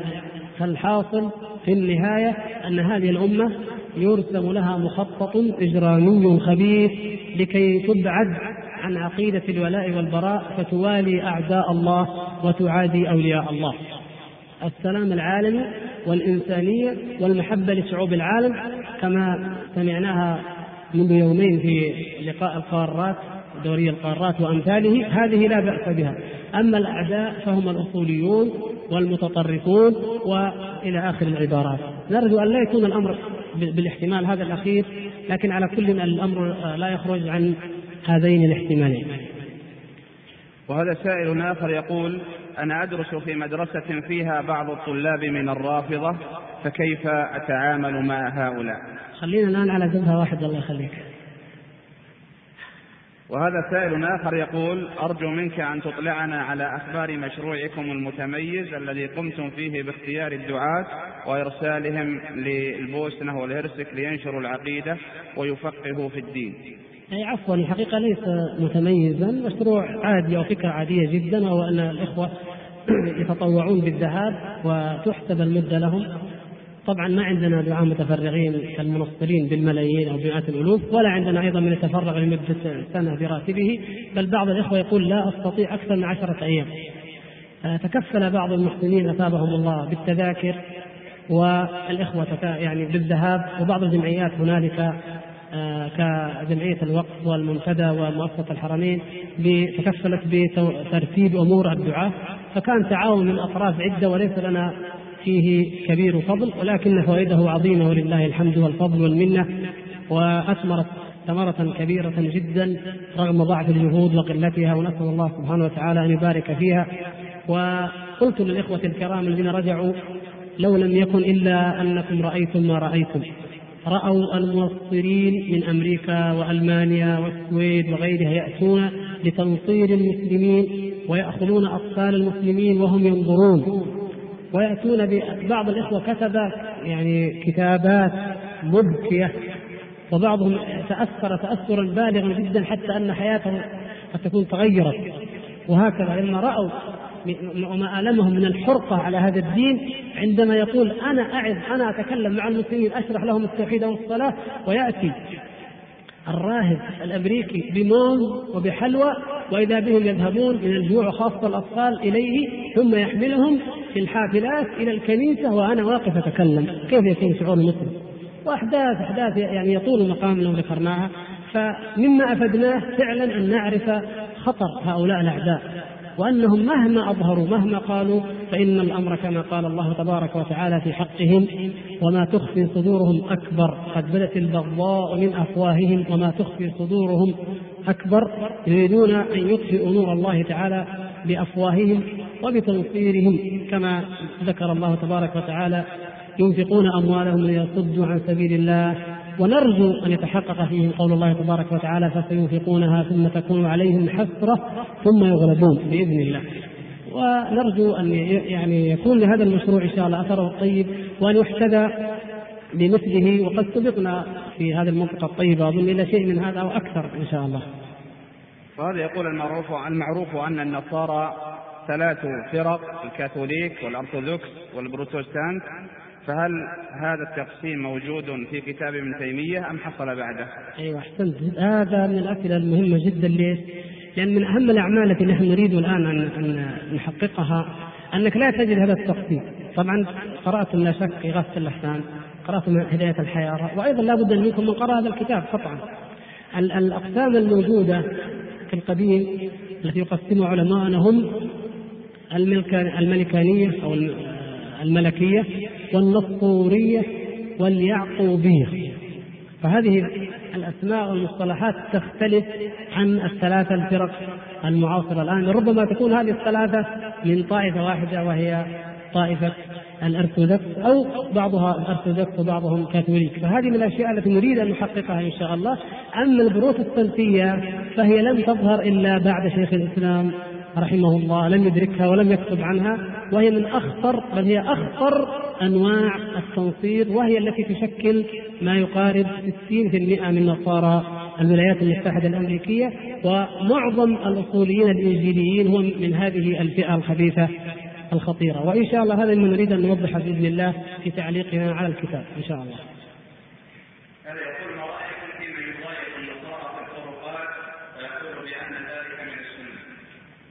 ولا شك أن الأصل في معاملتهم هو هذا أو أن يضطروا إلى وضع الطريق لكن نحن الآن ننظر من من زاوية أخرى. يعني لا أعني في هذه البلاد بل أصل في هذه البلاد أن لا يكون فيها نصارى مطلقا.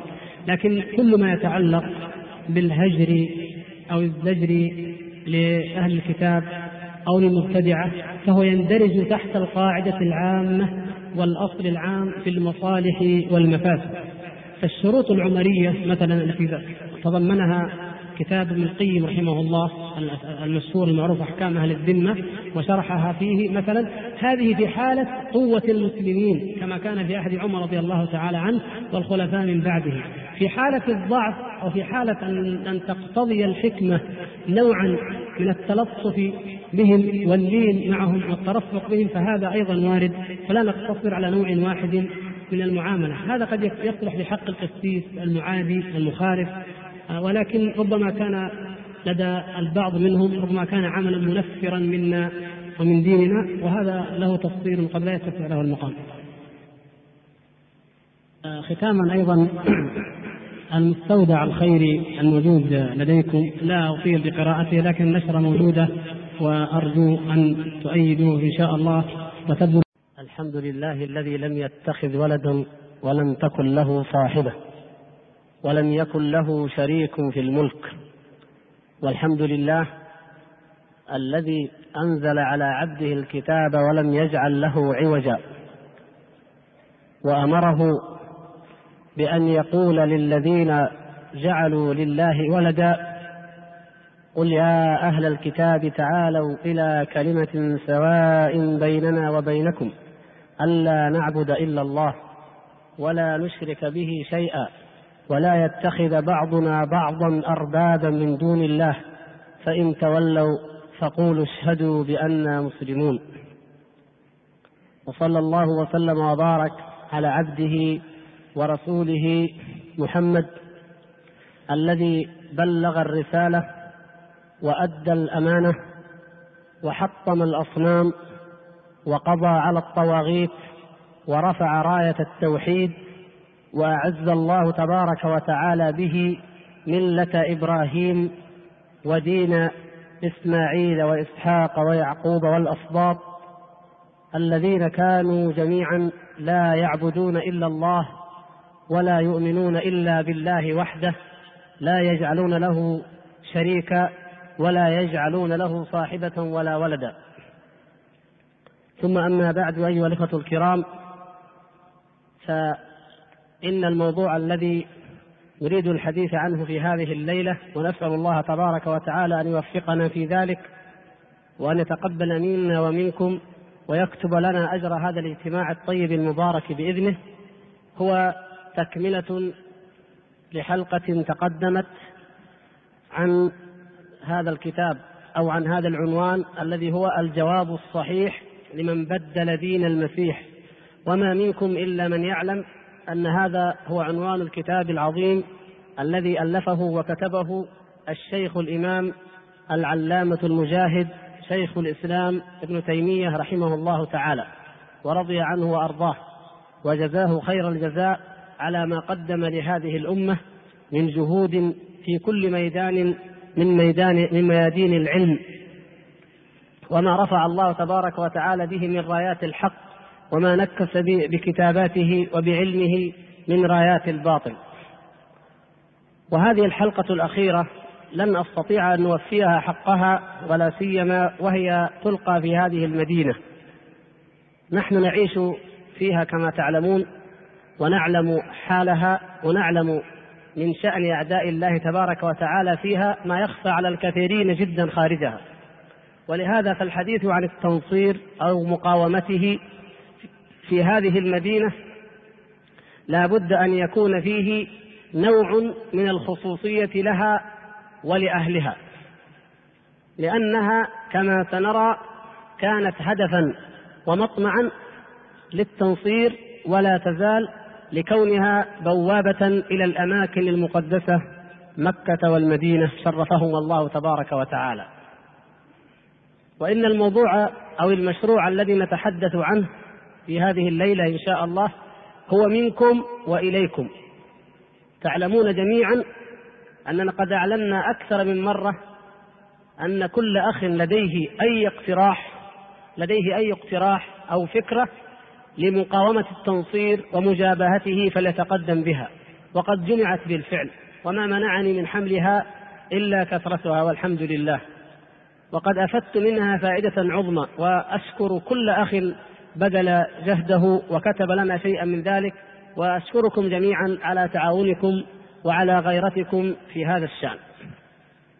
وانبثاقا وانطلاقا من واقع نعلمه ونشهده في هذه البلدة من أعمال التنصير وجهوده ومما اقترحتم وكتبتم وفقكم الله جميعا كان هذا المشروع وبرز وسوف نحدثكم عنه إن شاء الله في آخر المحاضرة. المقصود أننا نواجه غزوا فكريا وسلوكيا عظيما جدا يقوم به هؤلاء الوثنيون الذين يدعون الإيمان بالمسيح عليه السلام وهم منه براء وهو منهم بريء. الذين يجعلون لله تبارك وتعالى ولدا. الذين يقولون إن الله ثالث ثلاثة. الذين يقولون إن الله هو المسيح ابن مريم. الذين اتخذوا المسيح وأمه إلهين من دون الله. هذه العقائد الوثنية المرفوضة التي بين علماء الأديان والمؤرخون قديما وحديثا أنها ليست من عند الله تبارك وتعالى في شيء وشهد بذلك كتاب الله عز وجل الذي لا يأتيه الباطل من بين يديه ولا من خلفه. لكن البحوث جميعا تطبق وتجمع على أن ما يعتقده هؤلاء هو من بقايا الوثنيات السابقة التي أدخلها إليهم أو عليهم أدخلها في دينهم بولس الذي كان شاؤول اليهودي فغير بها ملة الإسلام ودينه الذي جاء به المسيح عليه السلام. ومع ذلك فإنهم مع شركهم ووثنيتهم وإلحادهم وسبهم لله تبارك وتعالى وقولهم فيه ما لم يقله إلا من شابههم من قبل من المشركين الأولين. مع ذلك كله فإنهم أشد الأمم في الأرض اليوم حرصا على نشر هذا الدين الباطل. وأعجب من ذلك أنهم أشد ما يكونون نشرا له وحرصا على ذلك في بلاد المسلمين بين المؤمنين الموحدين الذين يشهدون أن لا إله إلا الله وأن محمدا رسول الله صلى الله عليه وسلم. وهم يريدون هذه البلاد بالذات. ولذلك لن أطيل في الحديث عن جهودهم لتنصير العالم الإسلامي إلا أمثلة عابرة. ولكن الحديث سوف ينصب عن جهودهم لتنصير هذه الجزيرة بالذات وهذه المدينة على وجه الخصوص. فمتى بدأ هذا العمل؟ من الناحية التاريخية نجد اطماعهم قديمة للدخول إلى هذه البلاد. ففي أيام الحروب الصليبية حاولوا ذلك مرارا. وأوضح مثال على ذلك أن إحدى الحملات الصليبية في أيام صلاح الدين رحمه الله استطاعت أن تدخل إلى ميناء ينبع ومن هنالك اقتحم بعض أفرادها الجبال وتوغلوا فيها وحاصرهم المسلمون وأبيدوا عندما وصلت طائفة منهم بالقرب من مدينة رسول الله صلى الله عليه وسلم. وكان غرضهم إغاظة المسلمين ونبش قبر رسول الله صلى الله عليه وسلم وإحراق جثته كما يزعمون قاتلهم الله وقبحهم الله. ولكن خيب الله فألهم وظنهم. ومن هنا انصب اهتمام صلاح الدين رحمه الله على تقوية الموانئ الإسلامية على البحر الأحمر بجانبيه الشرقي والغربي منه. وينتهي عهده ويأتي بعد ذلك بأمد عصر المماليك وتبدأ أوروبا تفكر في الالتفاف حول العالم الإسلامي عن طريق الكشوف والرحلات التي ابتدأها كما تعلمون البرتغاليون. ومن هنا ظهرت فكرة جديدة أيضا عند البرتغاليين أو ظهرت من جديد وهي الدخول إلى جدة واحتلال جدة ومن ثم اقتحام مكة والمدينة. وقد حاول البرتغاليون ذلك في زمن المماليك ثم في زمن الدولة العثمانية. ولكن الدولة العثمانية تصدت لهم وهذا من أعمالها المشكورة في التاريخ. لما عرفت هذه الأطماع أعلنت أن البحر الأبيض المتوسط كله بحيرة إسلامية وأن البحر الأحمر كله بحيرة إسلامية. ومنعت دخول السفن والبواخر النصرانية في البحر الأحمر من أوله إلى آخره. ووسعت ميناء عدن وجعلته مقرا لاستقبال كل البواخر التي تقدم من أوروبا وغيرها للنصارى. وآخر مدى يمكن أن تصل إليه سفنهم هو ميناء مخا في اليمن جنوب الحديدة. ولا يمكن أن يتعدوا ذلك شمالا أبدا. بل يفرغون حمولتهم في سفن إسلامية تحملها إلى جدة أو ينبع أو السويس حتى لا يقربوا البحر الأحمر بتاتا. وكذلك عملوا على أن لا يدخلوا الخليج مطلقا. فبذلك استطاعوا أن يحفظوا هذه الجزيرة بحريا لأن الصليبيين لن يستطيعوا في ذلك الحين أن يدخلوها أو ينفذوا إليها إلا عن طريق البحر.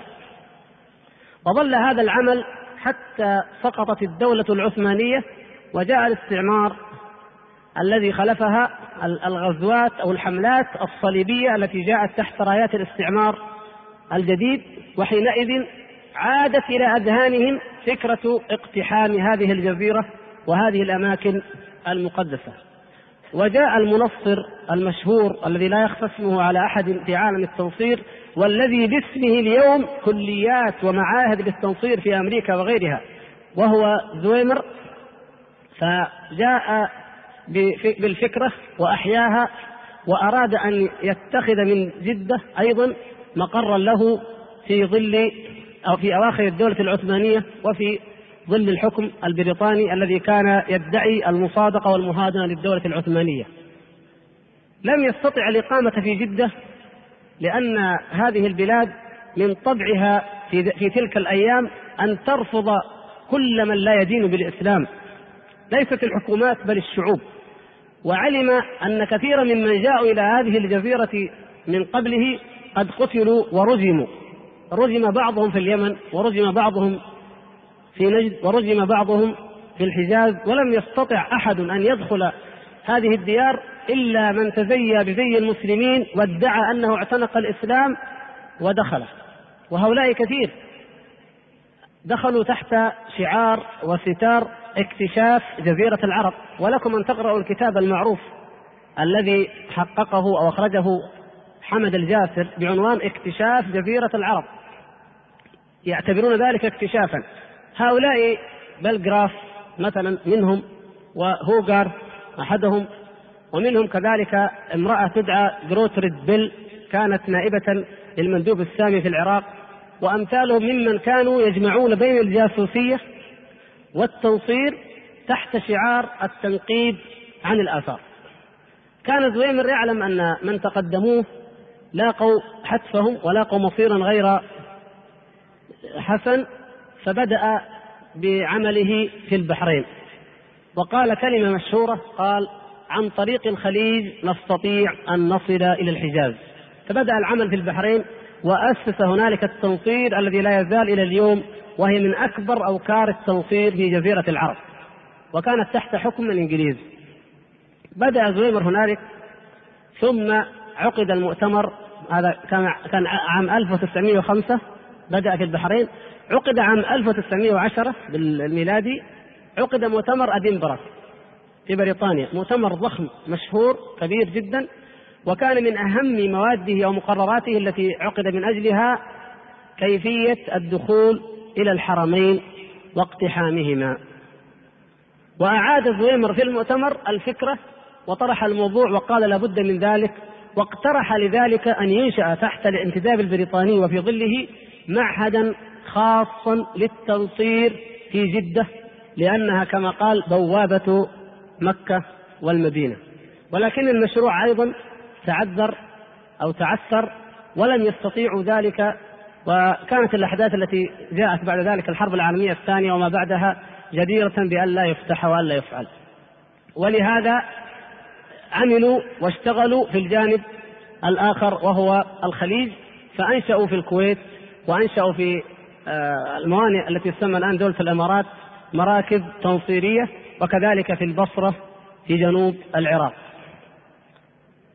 كانت جدة كما ترون هي محط أنظار هؤلاء ولكنهم لم يستطيعوا أن يصلوا إليها في ذلك الحين فبقيت لديهم محفوظة في قلوبهم ولكنها لكنهم لم يستطيعوا عمليا إلا عن طريق السفارات أو القنصليات.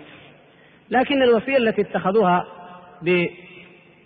بالتنصير في الخليج كانت قوية وفعالة وكان من أعظم الوسائل إلى ذلك أنه عندما تفجر النفط في المنطقة الشرقية جاء أولئك جاءت الشركات الأمريكية الأربع كما تعلمون التي توحدت باسم أرامكو. عندما نزلت أرامكو نزل معها المنصرون والمستشرقون. بل إن الذي أبرم العقد أول الأمر وجاب المنطقة كان مستشرقا يتكلم اللغة العربية ودرسها في في بلاد الشام مع الإرساليات التنصيرية.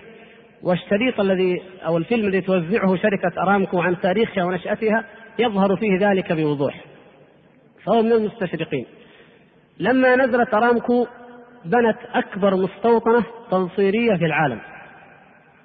وهي إلى الآن لا يوجد أكبر من شركة أرامكو مستوطنة يبلغ مساحتها حوالي 160 كيلو متر مربع.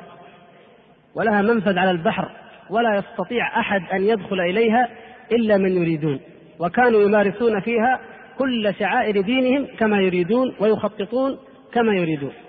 ولا نستطرد فيها لكن أذكر لكم مثالا واحدا مما عملته شركة أرامكو. أول ما نزلت وأنها لم تكن مجرد شركة بترول أنها أرسلت مندوبيها لجمع المخطوطات. فكانوا يتجولون في المساجد في المنطقة الشرقية وفي الرياض وفي القصيم ومناطق أخرى حتى جمعوا كل ما وجدوه في المساجد أو عند بعض الأشخاص وشروا المخطوطات بثمن بخس وجمعت جميعا في مكتبة أرامكو في الظهران وأرسل بعضها إلى مكتبة الكونغرس في أمريكا ولا تزال هنالك. فهي شركة ذات عمل مزدوج وكان لزويمر وأتباعه أو بالأحرى لأتباعه والقائمين على منهجه اليد الطولى في كونها تظل مستوطنة كبرى لهم ينفذون من خلالها إلى الخليج كله وتحت ستار البترول وتحت شعار البترول لكنهم يعملون في حذر شديد جدا. إنهم لا يعملون بشكل مكشوف. لماذا؟ لأن وصية بولس لهم عندما كانوا في ظل الاضطهاد الروماني قال لهم بولس كما يذكرون في رسائله قال لا تكونوا وعاظا أو إذا عجزتم أن تكونوا وعاظا فكونوا من صانعي الخيام. اصنعوا الخيام.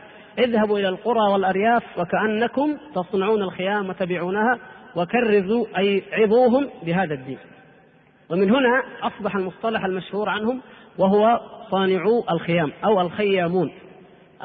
الخيام ليست وحدها. أي عمل أي مهنة أي حرفة فهي داخلة تحت وصية بولس. فدخلوا بهذا الاتجاه. ولذلك اسألوا أي موظف من قدماء الموظفين في الشركة. كانوا يحرصون على النصراني إن كان مصريا أو فلسطينيا أو سوريا أو عراقيا قبل أي عربي أو مسلم. حتى الهند تجد أن كثيرا من موظفي أرامكو الهنود نصارى رغم أن النصارى في الهند لا يشكلون إلا ما يقارب واحد في المئة من السكان. لكن لأنها شركة تنصيرية ومكتبها في دله يشترط أن يكون المتقدم نصرانيا. بالدرجة الأولى. كانت هذه هي المركز الوحيد حتى شاء الله تبارك وتعالى كما تعلمون وجاءت الطفرة الهائلة في هذه البلاد جميعا والقفزة العمرانية والتوسع الكبير في الحياة الدنيا ومباهجها ومفاتنها وهي نعمة لا شك والحمد لله على ذلك لكنها بجانبها أيضا نقمة. عندما جاء ذلك عام 1395 بعد ارتفاع أسعار النفط وما بعدها بدأ الناس يتوافدون على هذه البلاد من جميع الأقطار. وفتحت الأبواب على مصراعيها مع أنهم كانوا من قبل لكن الانفتاح الكبير إنما حدث بعد هذا التاريخ. وكان أكبر مقر وأكبر مركز لهذا الانفتاح هو هذه المدينة بالذات. فسكنوها بمختلف الأديان والألوان والأجناس حتى أصبح المسلم غريبا فيها. ولا أحد منكم إلا هو يذكر ذلك. إلى الآن إلى الآن في كثير من أماكن بجدة أنت غريب لكن قبل بضع سنوات كنت إذا مررت في شارع قابل مثلا أو شارع الملك عبد العزيز أو تلك المناطق إذا رأيت إنسان لابس شماغ تراه غريبا بينهم. فكانوا أكثرية وجاءوا بتخطيط جاءوا بتخطيط عميق وبعيد المدى ومن هناك بدأوا يعملون في أكثر من مجال.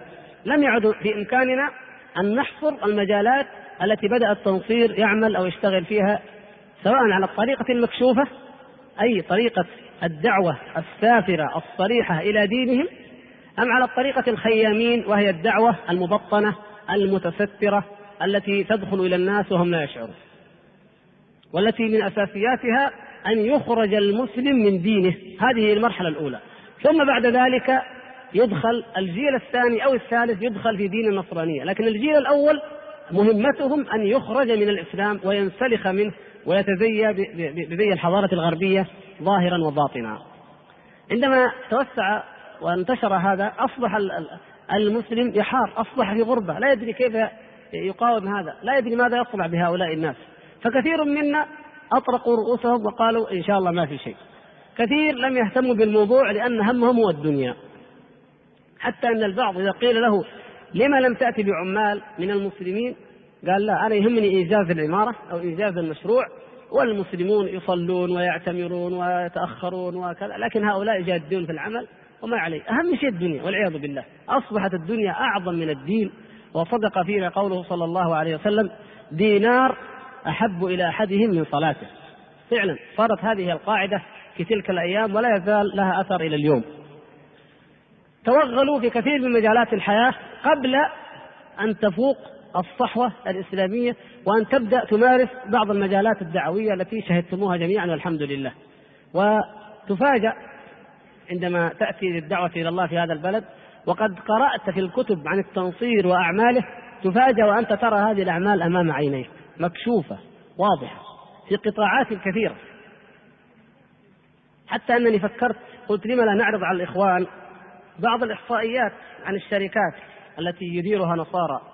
ثم قلت لنفسي لماذا نكون بهذا العمل مثل الذي يعد نجوم السماء أو يعد موج البحر؟ هل أستطيع أن أحصي الشركات في جدة وحدها التي يديرها ويرأسها بالكامل يعني مديرين تنفيذيين أو بأقسامها نصارى ولا يوظفون إلا نصارى ويمنعون الشاب المسلم والعمال المسلمين من الصلاة؟ لا أستطيع ذلك أبدا. رغم ما جمع لدي من حقائق في هذا قلت لا يمكن أن نستطيع ذلك ولا نضيع وقت الإخوان بالحديث عنهم أو ذكر أسمائهم أو أعمالهم أو وظائفهم لكنها موجودة ومعروفة. إنما الذي يمكن في الجملة أن نشير إليه هو أوكار التنصير جملة فقط. مثلا المستشفيات وهي كثيرة جدا في جدة كما تعلمون منها المستشفيات العسكرية التي تعمل أو تديرها شركات من هؤلاء القوم.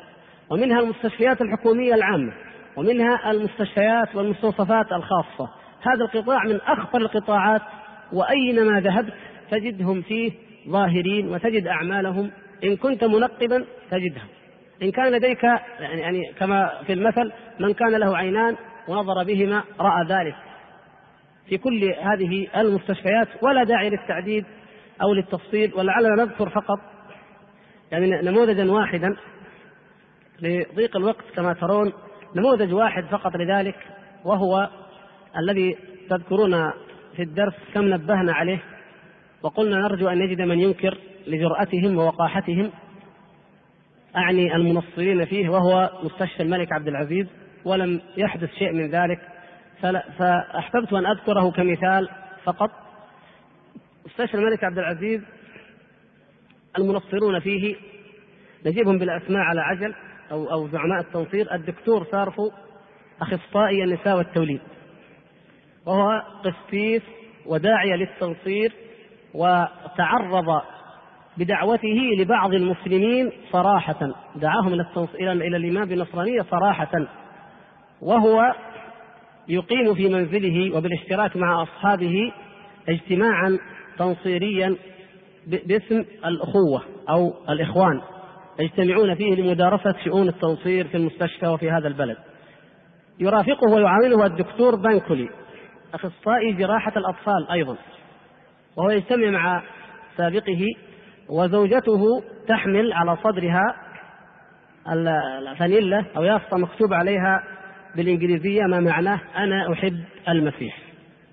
وهذا الشعار هذه الشعارات تباع في المستشفى ولدينا نماذج منها تباع ملصقات في المستشفى في في في السوبر ماركت أو السوق الصغير في المستشفى تباع هذه الملصقات وهي فيها شعارات نصرانية عن المسيح وما أشبه ذلك موجود نماذج منها أيضا معي. ومعهما مع هؤلاء أو مع الثلاثة الرجل وزوجته والأول معهم أيضا دكتور لايث أخصائي المسالك البولية. انظروا الاختصاصات. توليد أطفال مسالك لأنهم يريدون من وراء ذلك شيئا. لا يخفى اظن على واحد منكم. منه منه التعقيم الذي ثبت في عدة حالات وفي عدة مستشفيات. هذا الطبيب لايث هذا كان هو وزوجته في إيران ثم في البحرين. وقد استطاعت زوجته أن تنصر أربعة من المسلمين في البحرين. ثم ذهبوا بعد ذلك جاءوا إلى جنوب أفريقيا ذهبوا إلى جنوب أفريقيا ثم جاءوا إلى جدة. والزوجة نشطة جدا انشط من الزوج. فأرادت أن تعمل في مدرسة خاصة من أجل أن تنشر هذا الدين فاستطاعت أن تتعاقد مع دار الحنان لتدرس اللغة الإنجليزية المحببة لدى الجميع والتي يراد أن تكون من الابتدائي فتحت شعار اللغة تأتي هذه المرأة وتدعى هيلين وتدرس في دار الحنان ومن هنالك بدأت في أعمالها التنصيريه مع الأطفال. حتى أنها يعني تحرص على تعلم اللغة العربية وإقامة علاقات قوية جدا مع العاملين والعاملات في مع العاملات في المدرسة أو في خارجها وتأتي بأفلام تنصيرية أو دعاية للتنصير معها. ومن الأطفال الذين تهتم بهم أسرة إنجليزية مسلمة يرجع الأطفال إلى أمهم المسلمة ويسألونها لماذا ليس عندنا إنجيل؟ مثل كتاب أولاد هيلين. ويقول الأطفال الإنجليز المسلمون لأمهم لماذا يا أماه ليس عندنا صورة لعائلة الرب مثل هيلين وأبنائها. وهذا دليل على أنها ناجحة ونشطة في عملها هذا. وغير ذلك كثير لا نطيل بذكر الأمثلة. المهم المستشفيات هي أحد أوكار التنصير ولهم أكثر من هدف في ذلك وقد عملوا في عدة مناطق وثبتت قضايا تعقيم قام بها أطباء أقباط كما ثبتت أيضا قضايا أخرى ومنها محاولة تنصير بعض العوام من سكان المناطق النائية ولولا أن الله تعالى قدر لتنصرت أسرة مسلمة بأكملها في إحدى المناطق لا نريد أن نذكرها لكن بعضكم يعرفها وهي معروفة ولا حول ولا قوة إلا بالله. نجد غير ذلك نجد المدينة الصناعية. وما أدراك ما المدينة الصناعية.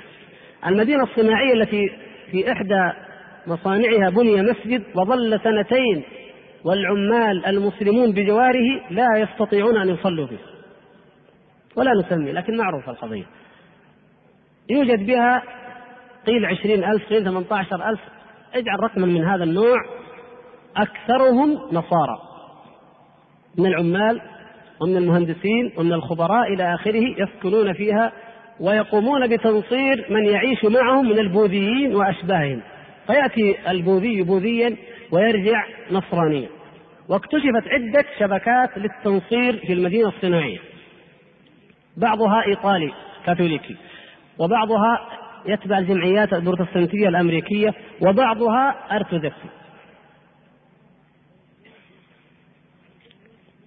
أيضا لا نطيل فيها ننتقل لمنطقة أخرى أو وكر ثالث وهو جامعة الملك عبد العزيز وقد تكلمنا عن هذا الموضوع ووصلتنا الأدلة والإثباتات والمعاملة ذهبت ولا تزال تدور لا ندري متى تنتهي. لكن أيضا هناك حقائق عن أعمال التنصير بين العاملات والعاملين في الجامعة من الفلبيين الفلبينيين وغيرهم. وبكل يعني عدم اكتراث وعدم اهتمام يبارك لهم رسميا بأعياد الميلاد ويهنئون بها بل ربما يحضر يحضر البعض أحيانا حفلاتهم في ذلك ولا يبالون بشعائر دينهم. وهذه أيضا قضية لا نطيل فيها. كذلك الخطوط السعودية هي وكر من أوكارهم. وأيضا لا نطيل بالأمثلة أذكر مثالا واحدا فقط أن الخطوط السعودية تعطي إعفاءات للأعمال الخيرية وهذا شيء طيب بالحقيقة. فيثبت أن بعض الطيارين الأمريكان يجمعون من هذه البلاد من هنا يجمعون تبرعات وقد أعلنا هذا لعلكم تذكرونه يجمعون تبرعات من هذه البلاد ويحملونها يعني يأخذونها من هنا مجانا ويحملونها مجانا في طيارات الخطوط السعودية فإذا نزلوا في باكستان أو في بنغلاديش أوصلوها إلى منظمات تنصيرية تستقبلهم في المطار أو يذهبون إليها. وهذا أيضا ثابت وتحدثنا عن هذه القضية فيما مضى فلا نطيل. إنما قصدنا فقط التمثيل ويضيق الوقت عن الاستطراد. المدارس الخاصة وهذه أمرها عجيب.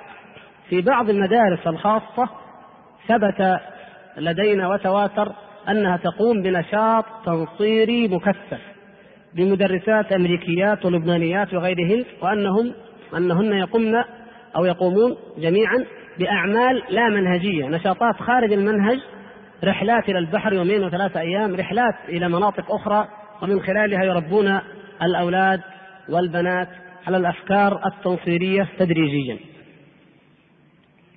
كذلك هناك معاهد التدريب معاهد اللغات معاهد الكمبيوتر إلى آخره وهي كثيرة ولدي وثائق وحقائق عن كثير منها تنتشر في جدة ويذهب إليها الناس ليتعلموا اللغة العربية أو الكمبيوتر أو دورة إدارية أو ما أشبه ذلك وإنما يريدون جميعا أيضا أو يسيرون في الحقيقة وفق خطط تنصيرية محددة الأهداف ومبرمجة تماما. المناهج تدل على ذلك الأسلوب يدل على ذلك سلوك المدرسين أو المدرسات يدل على ذلك. وفي النهاية يخرجون بثمرات واضحة ولا شك فيها. لو لم يكن منها إلا الخطوة الأولى التي يريدون وهي إخراج المسلم من دينه ثم بعد ذلك الجيل الآخر يدخل في دينهم. وهنا تلتقي العلمانية والتنصير أو جهود التغريب وجهود التنصير فالتغريب خطوة إلى التنصير ولذلك تتعاون المؤسسات والشبكات التنصيرية في جميع أنحاء العالم مع الحكومات مع المستعمرات مع وزارات الخارجية مع الاستخبارات الغربية لأنهم يعتبرون أن هذا مقدمة لهذا وهذا نصير إلى هذا. وكتاب التبشير والاستعمار وإن كان قديما لكنه مثال لعملهم الذي تطور فيما بعد وارتقى وخاصة بعد مؤتمر كولورادو الشهير الذي أصدر الكتاب المترجم الذي رأيتموه الكتاب الضخم الذي لابد أنكم اطلعتم عليه إن شاء الله.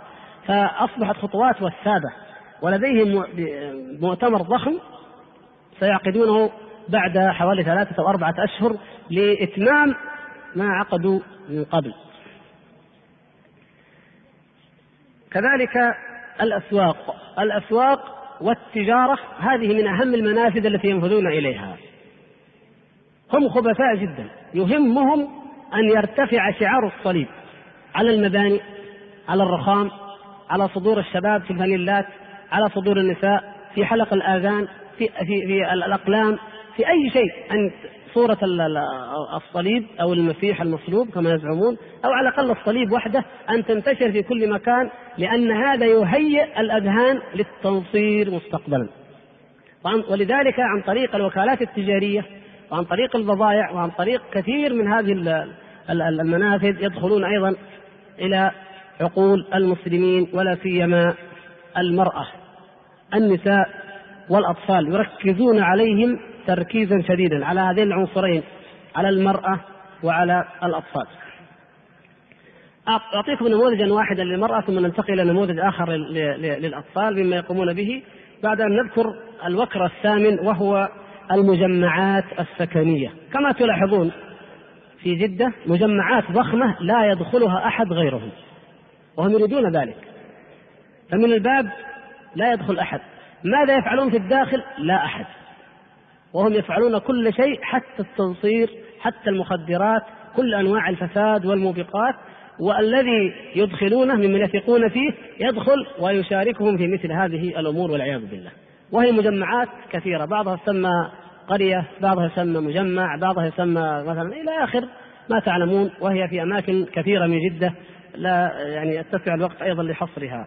نقول أضرب لكم مثلا عن دخولهم إلى عالم المرأة. يعلمون أن كل امرأة تحتاج إلى الطبيخ. كل يعني عمل النساء خاصة في مجتمعنا هذا والحمد لله. وأي بيت لابد أن يطبخ.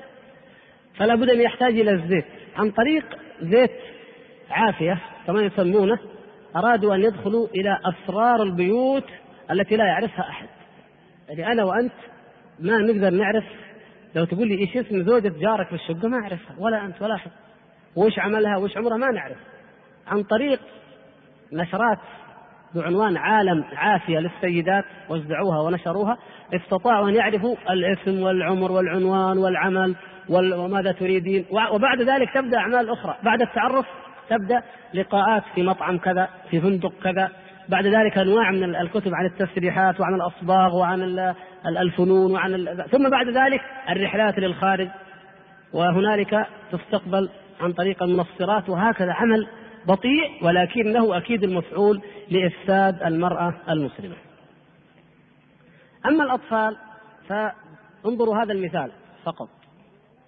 وساعرض صفحا عن الأمثلة المتعلقة بكبار السن وكتب المرتدين واشباههم التي توزع، لكن هذا فقط للأطفال. أحد أعمالهم هذه المجلة تسمى الأشبال.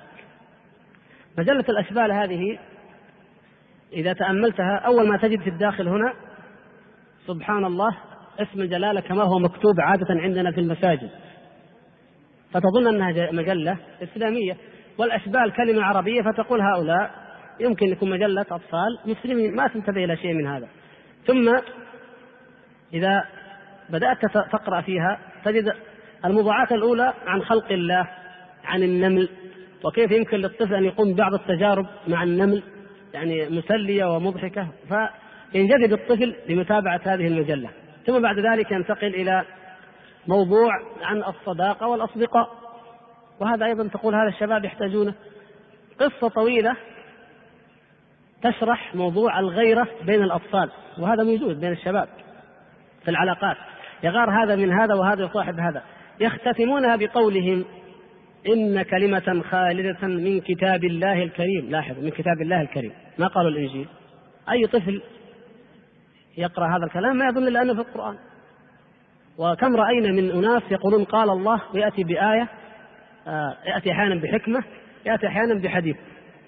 ويقول قال الله. فكيف بالأطفال فيقول إن كلمة خالدة من كتاب الله الكريم تنفعك في مثل هذه الظروف. من يكثر الأصحاب يخرب نفسه ولكن يوجد صديق أقرب من الأخ. من هو هذا الصديق؟ إن اسم هذا الصديق هو عيسى. ما يقول ابن مريم ولا إيش هو؟ هو عيسى. وبعدين تترك بعدين الطفل يقول مين هذا الذي أقرب الي من جميع أصدقائي في الكرة؟ عيسى. يسكت ما يدري. قد يسأل اباه أو أمه من هو عيسى؟ ما ما هم فاضيين له. يفتح إذاعة أحيانا إذاعة مونte كارلو ساعة الإصلاح.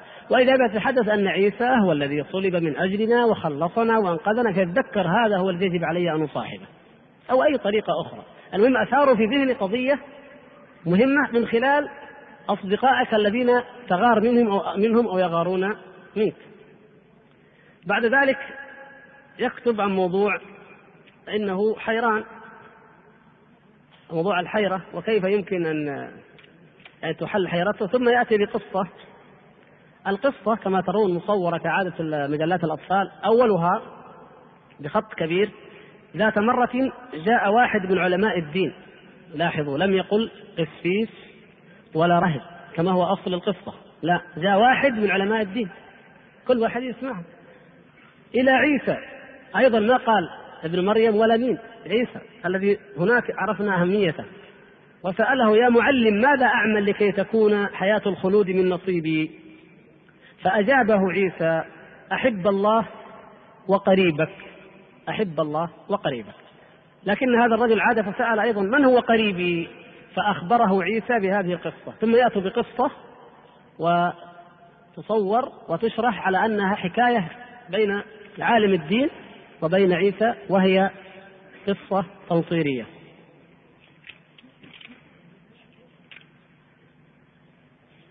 يعني غايتها وخلاصتها الرحمة والشفقة بالضعفاء والفقراء. ثم بعد ذلك حقائق عن بلادنا. البلدة البلد جمهورية موريتانيا الإسلامية. الموقع اللغات بعدين يقول إيش؟ في القرن الثامن الميلادي فتحها العرب وفي سنة 1902 أصبحت مستعمرة فرنسية. ثم حصلت على استقلالها سنة 1960 إذا العرب فاتحون ومستعمرون فقط ولا لا والإسلام ما له أي ذكر. طيب بعد ذلك نجد كما ترون هذا هو بيت القصيد هذه صور الأطفال الذين يراسلون هذه المجلة وبعضهم لم يرسل الصور. الأطفال من أي البلاد؟ المغرب السودان الجزائر الضفة الغربية مصر تونس نيجيريا الأردن سوريا اليمن عمان السعودية الكويت. هذه ويراسلونها وتنشر صورهم ها هنا. وفي الأخير كما ترون يعني يكتبون إعلانا هاما. نحن نعرف أن الكثيرين من أصدقائك سوف يتمتعون ويستفيدون إذا حصلوا على مجلة الأشبال. أنت تستطيع مساعدتهم للحصول عليها بواسطة إرسال إلينا خمسة أسماء من أصدقائك مع عناوينهم وأعمارهم. لاحظ كيف أنت تكتب خمسة من زملائك في المدرسة عن أعمارهم وعناوينهم وصورهم طبعا إن استطاع يرسلها. وهم يرسلونها إليهم على عناوينهم. ولا يدري الطفل لو جاءت إليه ولا يدري من الذي أرسل إليه. وبعدين هذه البطاقة موجودة يبعثها وتأتيه بالمجان. وبعدين هل لديك أي مشكلة أو تفتش عن حل نحن بعون الله تعالى وحده نعينك على هذا. اكتب لنا ونحن نعينك على الحل أيضا. كلمة لأشبالنا تستطيع أن تتعلم الكثير عن الصداقة الحقيقية من سيرة سيدنا عيسى المسيح. الآن بدأت كلمة إيش؟ المسيح في آخر المجلة. عيسى أول مرة بعدين رجل دين أو واعظ يعظ رجال الدين بعدين عيسى المسيح. وهنا يضع لك مبادئ نقاط معينة. كيف تستخرج الصداقة والعلاقة منها؟ لكن من خلال من؟ من خلال سيرة سيدنا عيسى المسيح. هنا بعض المبادئ عن الصداقة يمكنك أن تتعلمها من سيرته العطرة. ثم يذكر لك المثال. أقول حقيقة الأمثلة كثيرة لكن يعني نريد فقط أن نذكر الإخوة بأنواع وألوان هذا الغزو الذي يتغلغل في عقول أطفالنا ونسائنا وصغارنا وكبارنا ونحن لا نعلم. آه كما أشرنا قد تقولون ما جنسيات هؤلاء المنصرين؟ أقول لكم كل الجنسيات. منهم العرب اللبنانيون الأقباط وهم من أخبث أنواعهم. لأن كثيرا منا لا يفصل لهم. فإذا رآه يسلم أو يكلم يظن أنه مسلم وهو نصراني إما من الأقباط وإما من اللبنانيين المواردة وأشباههم المارون وهم من أخبث الطوائف لأنهم يتغلغلون عند الكبراء عند التجار الكبار عند المسؤولين يتغلغلون بوسائل كثيرة جدا المشروع منها وغير المشروع ولا يبالون ولا يتورعون. لو لو أتيت بواحد منهم وأدخلته إلى جدة لا يملك دينارا أو درهما واحدا أو ريالا واحدا انظر إليه بعد سنة أو سنتين أو ثلاث المرسيدس الفاخرة الفلة الكبيرة ما تدري من أين جاءوا بها. يعني في نوع من من الذكاء والشيطنة والدهاء ولا شك أنهم يتعاونون في هذا.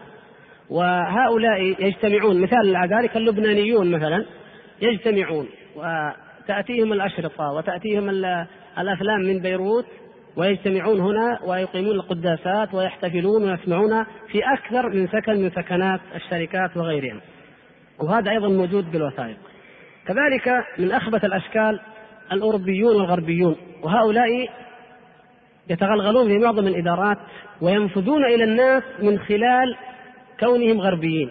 فالإنسان الغربي لا يمس ذاته مصونة مقدسة لا يستطيع أحد أن ينتقده لا يستطيع أحد في الطريق أن يفتشه لا يستطيع أحد أن يوقفه ولا يسأله. مجرد أن يرى الدم الأحمر والشعر الأشقر لا يكلم. ولا يقال له من أين جئت ولا ماذا فعلت ولا ماذا تصنع. الثقة المطلقة فيهم. فهم ينفذون في المجتمع من خلال هذا الأمر ويفعلون ما يشاءون. أنشأوا نوادي خاصة للرجال ونوادي للسيدات ويقيمون رحلات في, في الإدارات التي يعملون فيها. رحلات مع الموظفين وغيرهم إلى الأماكن التي يريدون. مثلا الرحلات تنطلق من جدة إلى خيبر تنطلق من جدة إلى وادي فاطمة. إلى الطائف إلى الهدى يومين الخميس والجمعة كل شيء يفعلون ولا يبالون. ومن خلالهم لا يكون تنصير فقط بل هناك رصد أيضا لهذا المجتمع ولمعرفة مكامن القوة فيه واتجاهاته وما الكلمات التي تكتب في الصحافة الغربية عن هذه البلاد والصحوة فيها والأصوليين وما إلى ذلك إلا من آثار هؤلاء الذين بيننا ونحن لا نعلم ولا ندري عنهم شيئا ولا يفتشون في دخول ولا خروج فكل الوسائل لديهم متوفرة وممكنة. كذلك الكوريون والفلبينيون وقد تعجبون كوريا التي ما دخلها الدين النصراني إلا من قريب يصبح منصرون كوريون يعملون في هذه البلاد لتنصير إخوانهم أو أبناء بلدهم الكوريين وغيرهم. وبعض الطبعات منها طبعة الإنجيل الكبيرة التي توزع في إفريقيا وغيرها بالملايين هي طبعة كورية. طبعها النصارى الكوريون طبعا بدعم من المؤسسات التنصيرية. إذا حتى هذه الأجناس تعمل وتشتغل. وهناك حركة تنصيرية مضادة ولها نشاط كبير في جدة مع الفلبينيين الذين أسلموا. تهاجمهم هذه الحركة من أجل إرجاعهم إلى الدين الذي كانوا عليه. حتى بين السريلانكيين وغيرهم. كل هذه الشعوب يوجد بينهم من يريد أن يردهم عن الإسلام إلى النصرانية أو يدعوهم من الإسلام إلى النصرانية أو يثبتهم على دينهم إن كانوا نصارى. أما إن كانوا بوذيين وغير ذلك فهؤلاء من أسهل ما يكون أن يدعوا إلى النصرانية في هذه البلاد. لعل يعني هناك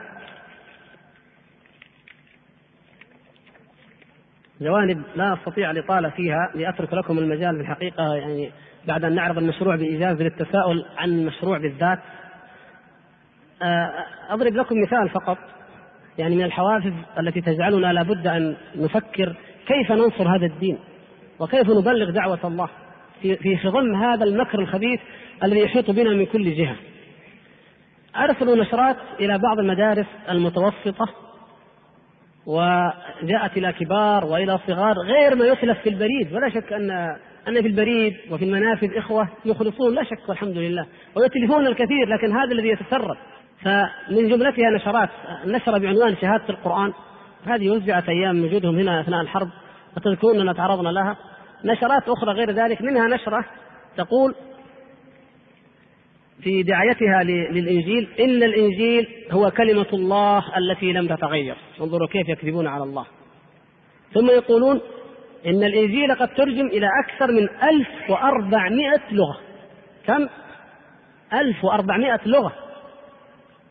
ومن ذلك أنه ترجم داخل اللغة الواحدة إلى لهجات وقد قرأنا بعضها تذكرون ذلك. ترجم باللهجة لهجة مصرية ولهجة جزائرية ولهجة لبنانية ولهجة يعني بدوية لنا إحنا البدو هنا. ويعني جميع اللهجات يترجمون الإنجيل حتى يقربوه إلى أفهام الناس. ثم يقولون في الدعاية الرب أعطانا كلمته بدون ثمن. ونحن المسيحيين نحب أن نعطيها أصدقائنا المسلمين بدون ثمن. إذا ما العمل؟ ما عليك إلا أن تعبئ البطاقة ويأتيك الإنجيل مجانا أو الأشرطة مجانا لأنها أيضا كما أخذوها من غير ثمن يعطونها من غير ثمن. وهكذا فعلوا ويفعلون. وأذكر مثالا على هذا أيضا قد أوردناه لكم مرة آه، أبو فيليب. سمعتم عن أبو فيليب؟ أبو فيليب هذا؟ أبو فيليب عاش هنا من جملة الخيامين فلما رجع إلى أمريكا كتب يقول أكثر ما آلمني في, في, في السعودية أننا نرى ملايين من الناس يذهبون إلى أماكن العبادة يوميا عدة مرات ولكنهم يا للأسف يعبدون الله على ضلال. يتحرك قلب أبو فيليب أنه ما نعبد الله كما يعبدونه والعياذ بالله أن نشرك بالله عز وجل ما لم ينزل به سلطانا ويريد أن نجعل له ولدا وأن نجعل له صاحبة وأن نجعل له شريكا. انظروا كيف عمق نظرتهم إلى إلى تنصيرنا وشدة حرقتهم وتطلعهم إلى ذلك. هذا الكلام إذا قرأه الإنسان الأمريكي هناك وهو من أسذج الشعوب يتأثر جدا وتظل هذه القضية في دماغه ويقول فعلا يعني لماذا لا لا أتبرع؟ ونتيجة ذلك تكون تلك التبرعات والمبالغ الخيالية الضخمة. وذكرنا في المحاضرة الأولى مجموعة الإحصائيات التي نشرت من مصدر تنصيري موثوق أنها 151 ألف مليون دولار. جمعتها الكنيسة في سنة واحدة. 151 ألف مليون دولار. يعني ما يعادل ميزانية المملكة؟ يعني كم؟ إذا كانت 15 سنة قولوا 10 سنوات. وليس فقط 100 مليون ولا 10 ملايين ولا شيء. ولذلك يستفيدون من هذه الأموال فوائد فوائد هائلة جدا. نذكر لكم مثالا أيضا واحدا فقط على إفادتهم من هذه الأموال.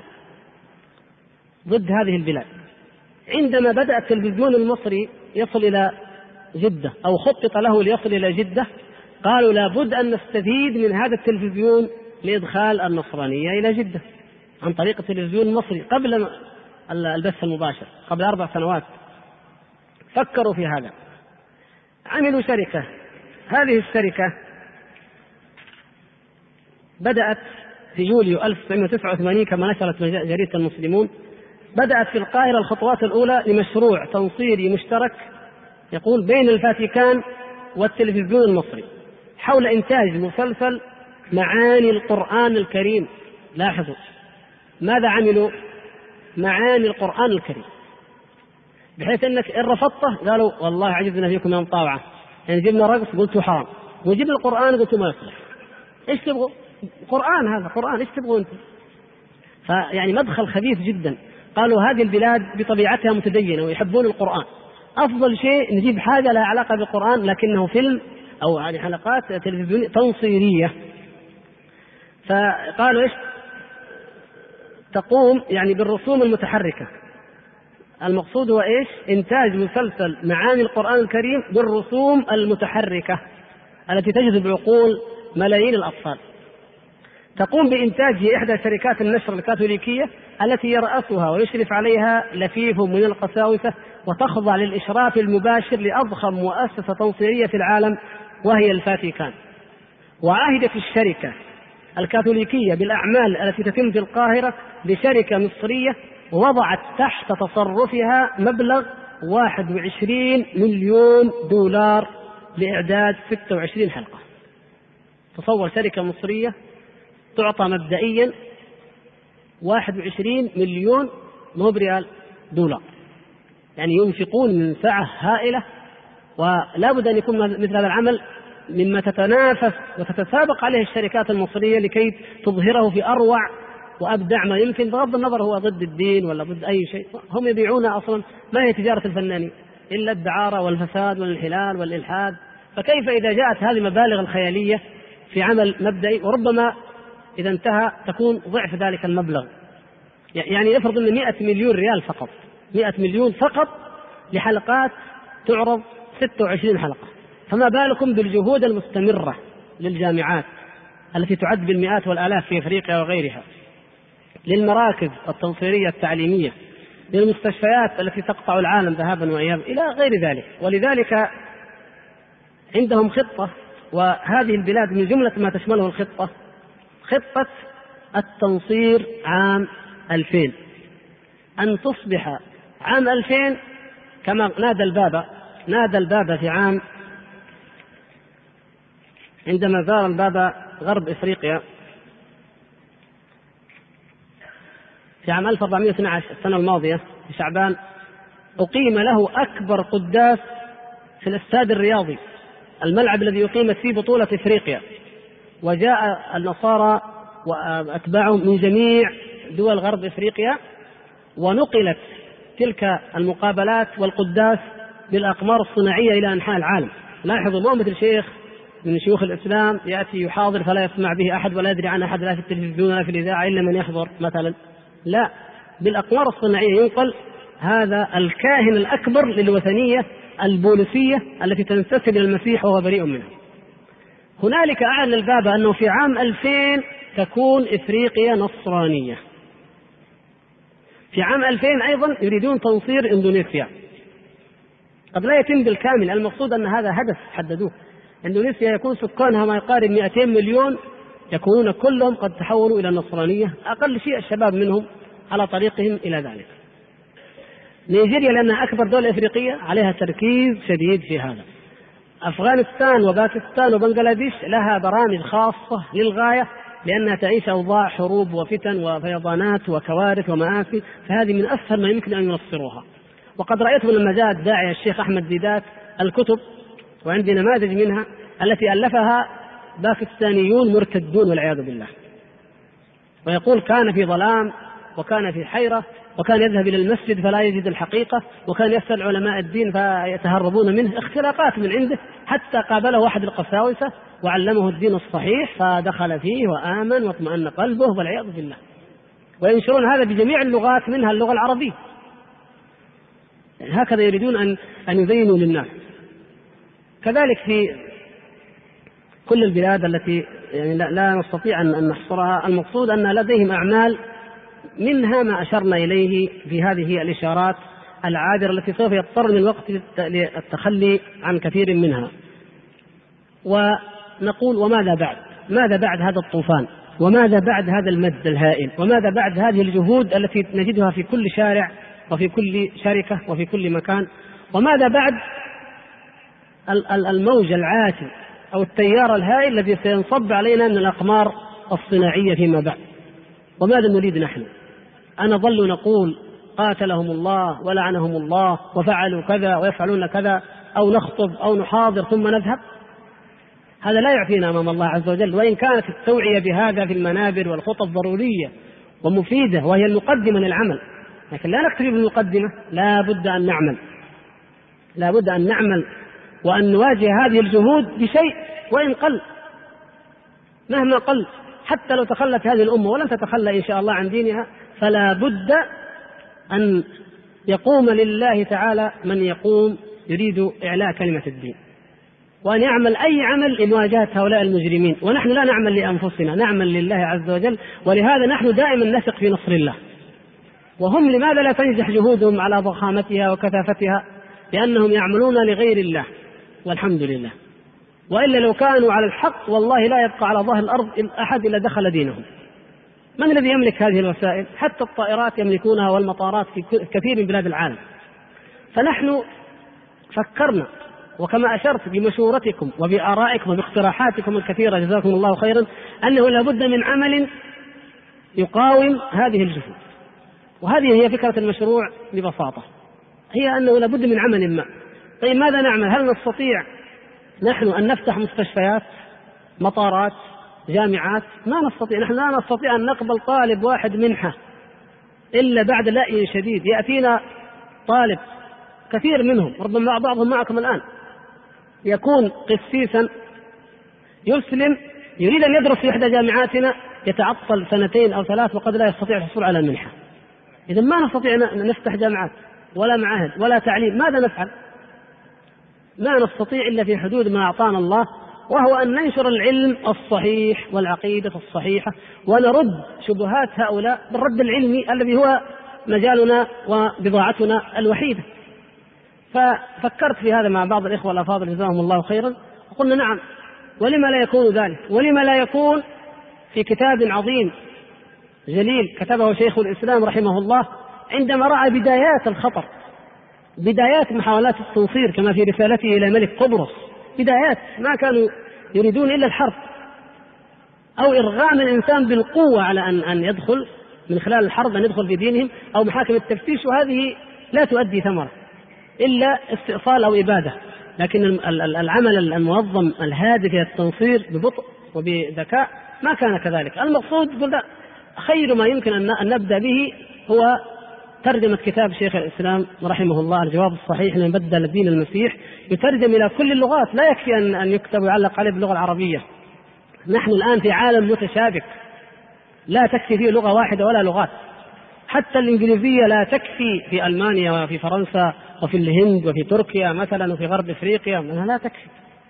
إلا طبقة مثقفة. فلا بد أن يترجم هذا الكتاب إلى جميع اللغات. عرضت الموضوع على علمائنا الأفاضل جزاهم الله خيرا.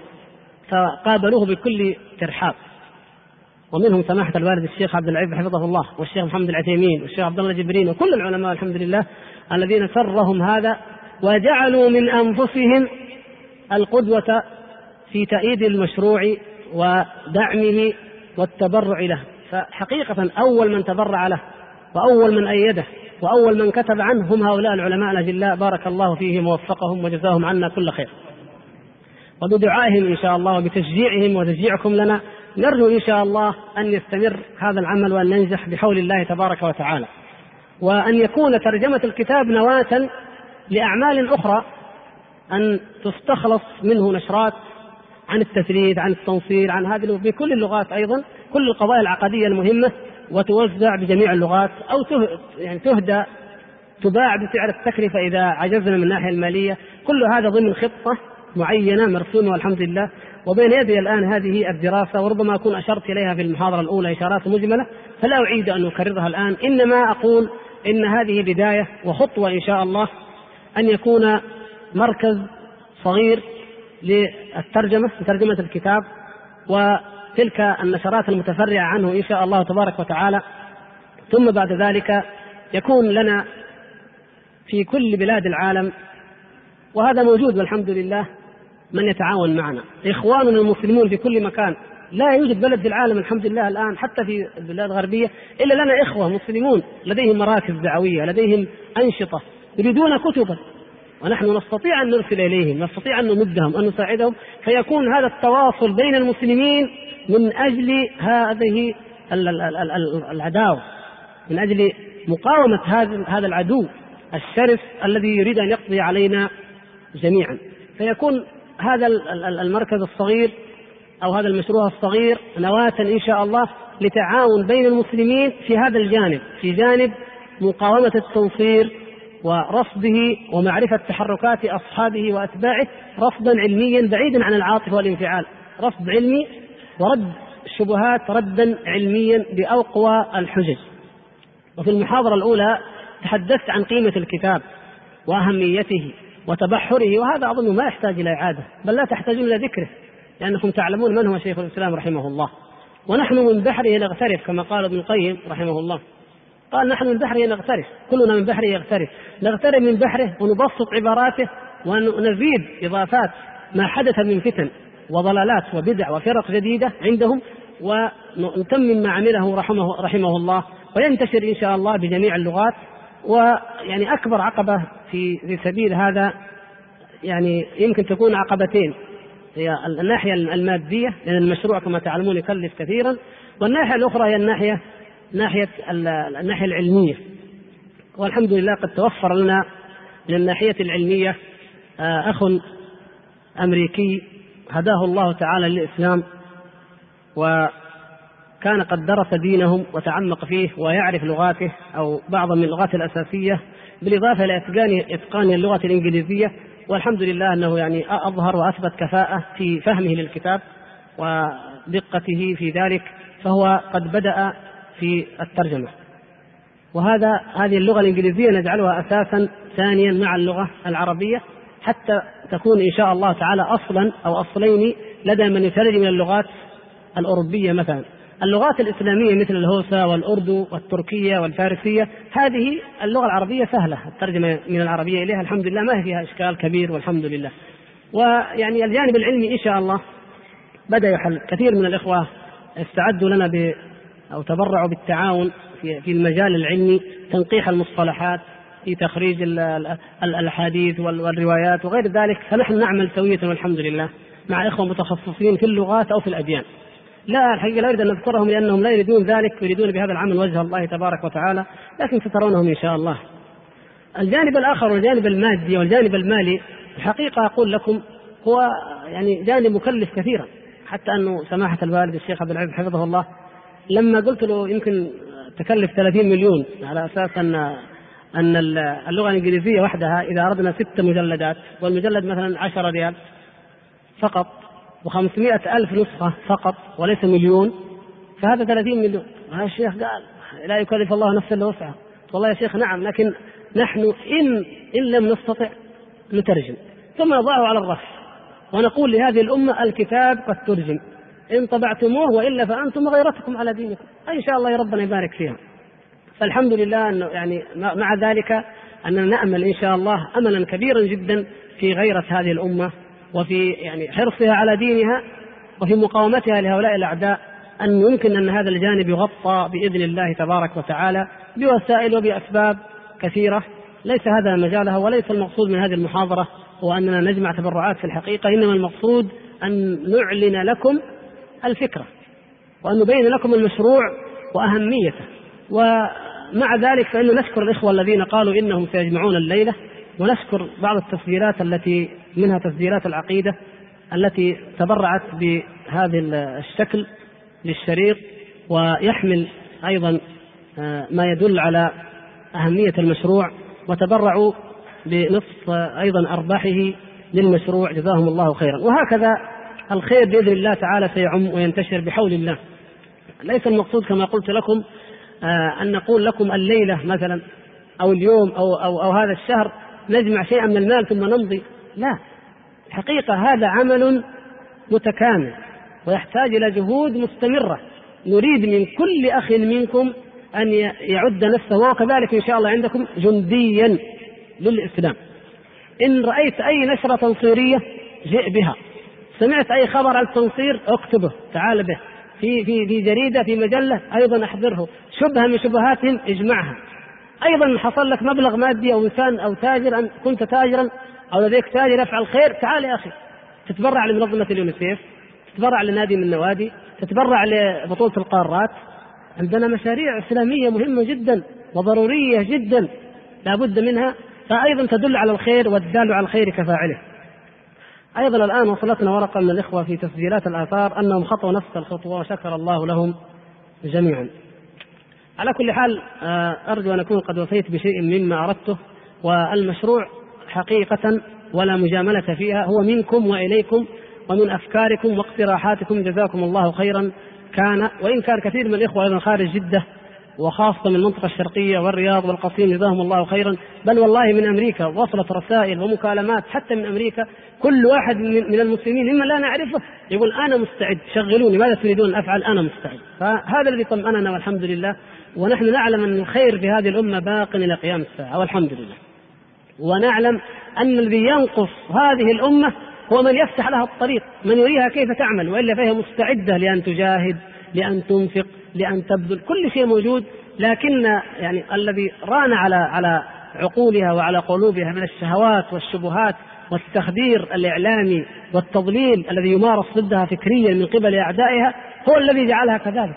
وإلا فالحمد لله ما من مسلم إلا ولديه من الغيرة على دينه بحيث لو استطاع أن يقدم روحه لقدمها بشرط أن تنجلي عنه هذه الغشاوة. ويعلم أنه جندي من جنود الله عز وجل وتابع من أتباع محمد صلى الله عليه وسلم وأن هؤلاء الوثنيين والمشركين والمجرمين الذين يسعون لإطفاء نور الله يريدون أن ينتزعوا إيمانه وعقيدته من قلبه وعقيدة أبنائه كذلك من بعده. هذه هي التي نعلق عليها نحن والحمد لله الأمل الكبير في إنجاح هذا المشروع إن شاء الله تعالى. ونبدأ في استعراض الأسئلة حتى لا يدهمنا الوقت. آه الأخ يقول كيف يمكننا أن نوصل التبرعات إليكم؟ هل لكم أن تدلون عن كيفية إيصال التبرعات لهذا المشروع؟ وهل بالإمكان فتح حساب؟ نعم فتح حساب للمشروع في آه فرع شركة الراجحي المطار كم رقمه خمسة ثمانية أربعة ثمانية من اليسار إلى اليمين خمسة ثمانية أربعة ثمانية شركة الراجحي فرع المطار. بس لأنه يكون أقرب. هذا يمكن يمكن فتح شيء آخر ممكن إن شاء الله. لكن هذا الموجود الآن. لا المطار جديد.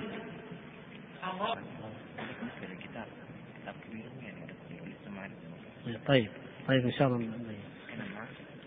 كتاب اللي بترجم؟ طيب نقول للاخوان ده يعني طيب اكتبها وحطها معنا ونتفق إن شاء الله. يعني حجم الكتاب هو كما تعلمون الكتاب أربعة أجزاء في مجلدين كبيرين مع الشرح والتعليق والإضافات والمقدمة وافتراض أن كل جزء يصبح مجلدا فيصبح الكتاب ستة مجلدات هكذا نتوقع إن شاء الله. آه، أيضا تسجيلات الفتح تشارك في هذا المشروع جزاهم الله خيرا.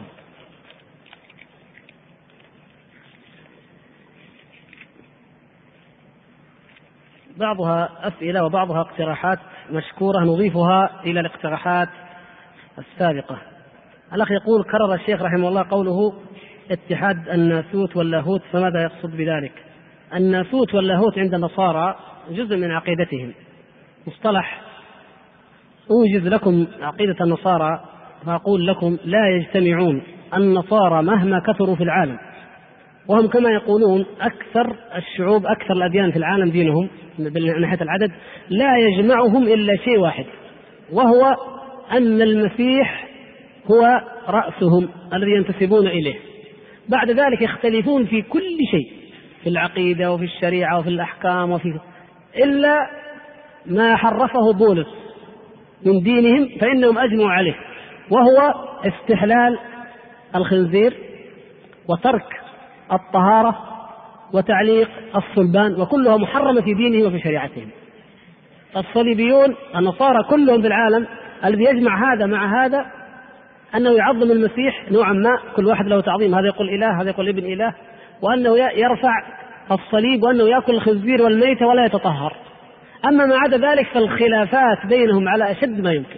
حتى معنى اللاهوت ومعنى الناسوت. لكن المقصود يعني مبدئيا اللاهوت الجزء الإلهي من طبيعة المسيح والناسوت الجانب الإنساني. فمثلا يقولون عندما خاطب المسيح عليه السلام خاطب الموج وقال اسكن خاطب البحر وقال اسكن كان الجانب اللاهوتي هو الذي يعمل. عندما يقول الميت قم هذا الجانب اللاهوتي. لكن إذا لما صلب بزعمهم وما قتلوه وما صلبوه ولكن شبه لهم لما يقول يا إلهي لماذا تركتني؟ هذا كان يتكلم الجانب الناسوت شوفوا الخرافات هو نفسه واحد. مرة إله ومرة بشر. مرة يأمر بأن بما أنه إله يأمر ينهى ومرة يشكو إلى الإله أن إلهه تركه. تعالى الله عما يشركون وعما يصفون. ما رأيكم يقول الأخ يترجم كتاب ابن القيم هداية الحيارى في أجوبة اليهود والنصارى. والحقيقة العمل إن شاء الله سيكون كبيرا جدا. ونترجم هذا الكتاب وغيره وأيضا كتاب السموأل الذي كان نصرانيا ثم أسلم وكذلك بعض المخطوطات أيضا كلها إن شاء الله التي حققت منها.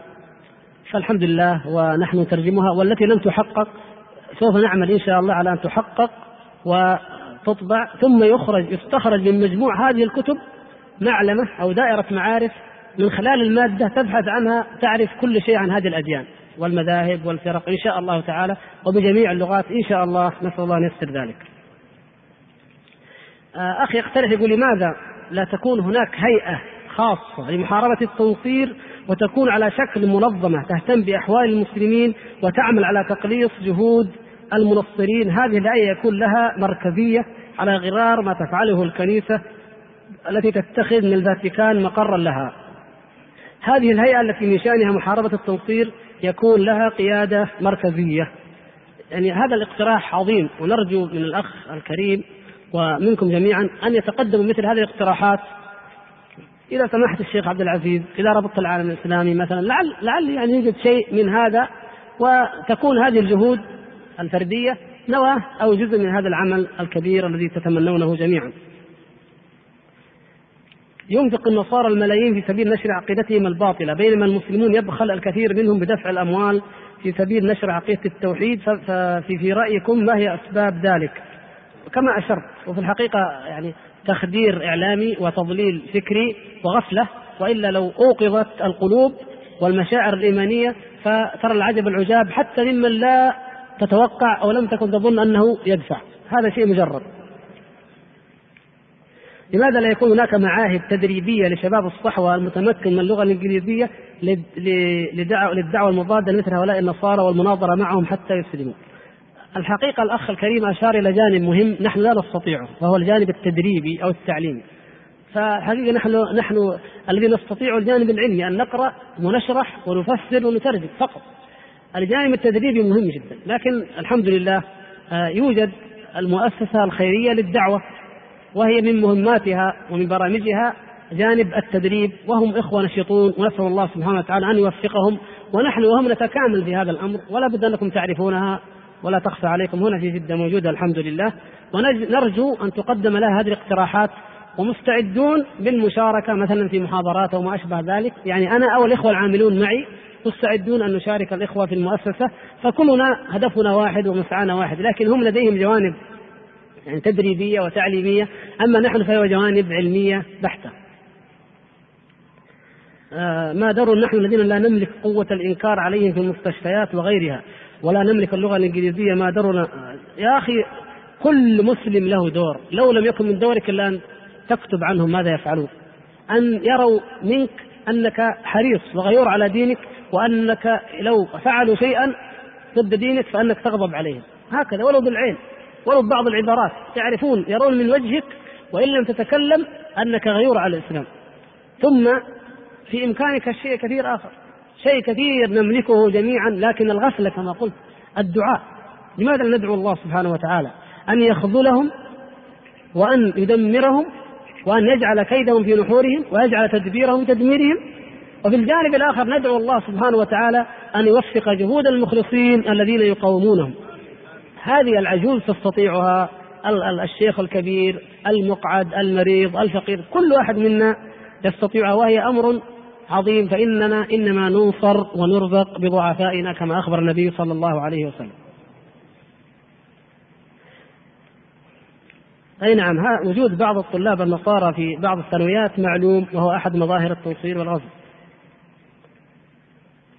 الله المستعان. يقول الأخ يمكن تزويد بأسماء الشركات وعدد العاملين فيها من غير المسلمين. طيب هات ما عندك. كل أخ يستطيع أن يعطينا فليتقدم وليتفضل. جزاه الله خيرا. ونتعاون مع الإخوان في مكتب الجاليات مع الإخوان في المؤسسة الخيرية مع مركز الدعوة. كلنا جنود لهذا الدين كلنا دعاة.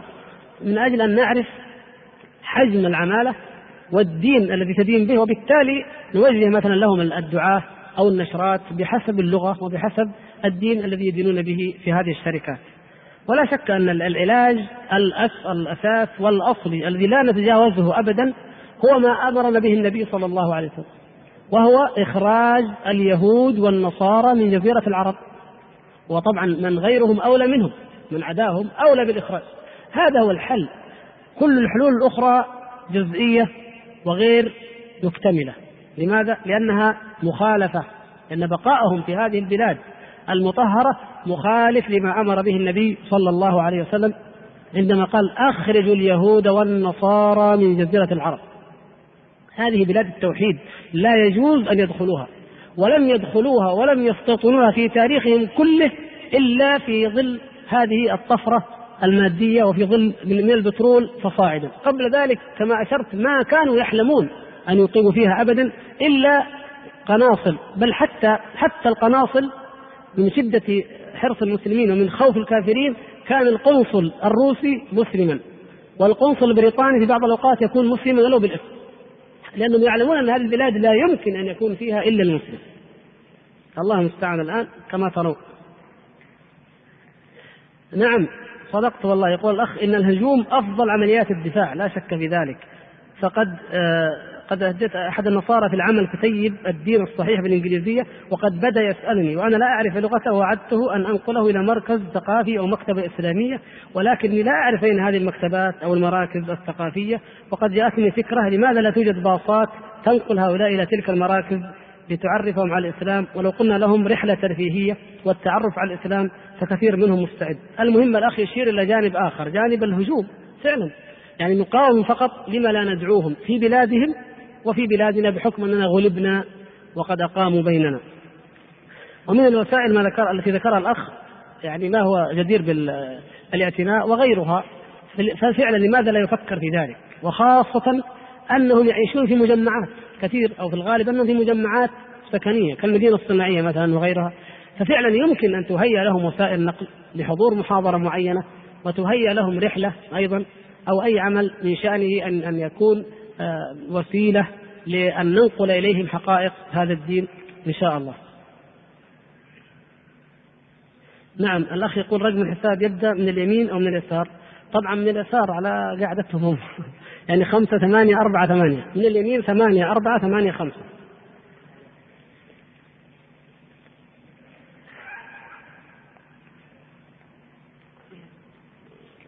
بعض القضايا علمية لكن ما نطيل فيها وإن كانت بعضها مهم. مثل قول الله تعالى كيف يمكن التوفيق؟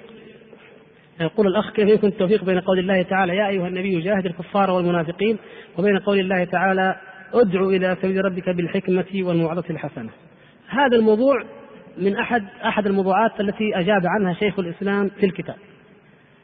فلا تعارض بين المجالدة والمجادلة لأن من جادلناه وأبى أن يقتنع فالحل هو المجاهدة والمجالدة يعني بالسيوف. فالنصارى نحن نخاطبهم أفرادا نخاطبهم أمم. الأمم تدعى بجملتها إلى الإسلام أو الجزية أو القتال أو السيف. أما الفرد لا ندعوه لا لا نقتله. الفرد لا يرغم لا يكره الفرد الواحد منهم على اعتناق ديننا ولكن يرغم إما على دفع الجزية لابد من أن يدفع الجزية أو إذا أسلم طواعية واختيارا وإلا فيرتبط يعني بأحكام أهل الذمة. يدفع الجزية ويكون ضمن أهل الذمة المقيمين في بلاد الإسلام. فإن كان حربيا فلا يعيش بيننا. المهم ما في تعارض بين هذا وهذا. ما هي الطريقة التي يمكن بها دعوة النصارى؟ آه طبعا هذه تحتاج إلى محاضرة مستقلة. كيف ندعوهم؟ تحتاج إلى لقاء مستقل لا نطيل الآن فيه. يعني القضايا كما ذكر الأخ التي تخاطب بها النصراني. أول ما تخاطبه بماذا؟ فهي ما هي مشكلة لكن الوقت لا يتسع لها الآن. هل بالإمكان استخدام القنوات الأخرى للرد على الموصلين مثل التلفاز والإذاعة والصحف؟ ولم لا؟ نعم بالإمكان. بالإمكان أن نحاول نحن أن نجعل من صحافتنا وإذاعتنا وتلفازنا ناطقا بديننا. بدل أن تعرض اللهو والعبث وما لا خير فيه أن تعرض هذا الدين. لو كانت القناة الثانية مثلا تعرض الإسلام وتهتم به بأساليب منوعة ومشوقة لأسلم الكثير بإذن الله. وكذلك الصحافة.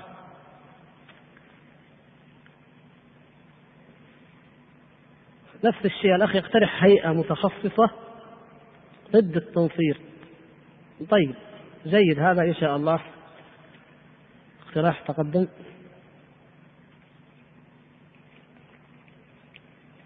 لا يقول الأخ هل هناك تسجيل أسماء وكيف يمكن أن نشارك بعملي في هذا المشروع بما أنه علمي فلا يحتاج إلى سواعد كثيرة وإنما يحتاج كما أشرنا إلى جهود أخرى تخدم الجانب العلمي. فيعني إذا كان الأخ يقصد بعمله أنه مثلا يتبرع بشيء لعله هذا في مراحل فيما بعد إن شاء الله. يعني مثلا إذا طبعت الكتب في الإمكان أن توزع عن طريق الإخوة في الخارج والداخل وبالمناسبة الحقيقة نشكر آه، مشروعين أحدهما في الرياض قامت به الدار العالمية والأخرى هنا والآخر هنا. بل أيضا مشروع ثالث في الرياض جزاهم الله خيرا. مجموعة من الإخوة الذين تحابوا في الله وجمعتهم الغيرة على الدين يرسلون الكتب إلى أنحاء العالم عن طريق المراسلة الكتيبة في العقيدة بالعربية وبغيرها. هذا مشروع ناجح وجيد ومفيد. فهذا من الأمور التي يمكن أن يشارك فيها عدد كثير. من الإخوة. إن شاء الله. على كل حال الذي مستعد أو لا يجد إلا نفسه أو يده للعمل يمكن أن نجد له إن شاء الله وسيلة يعمل بها بحول الله تبارك وتعالى لخدمة هذا الدين إن شاء الله.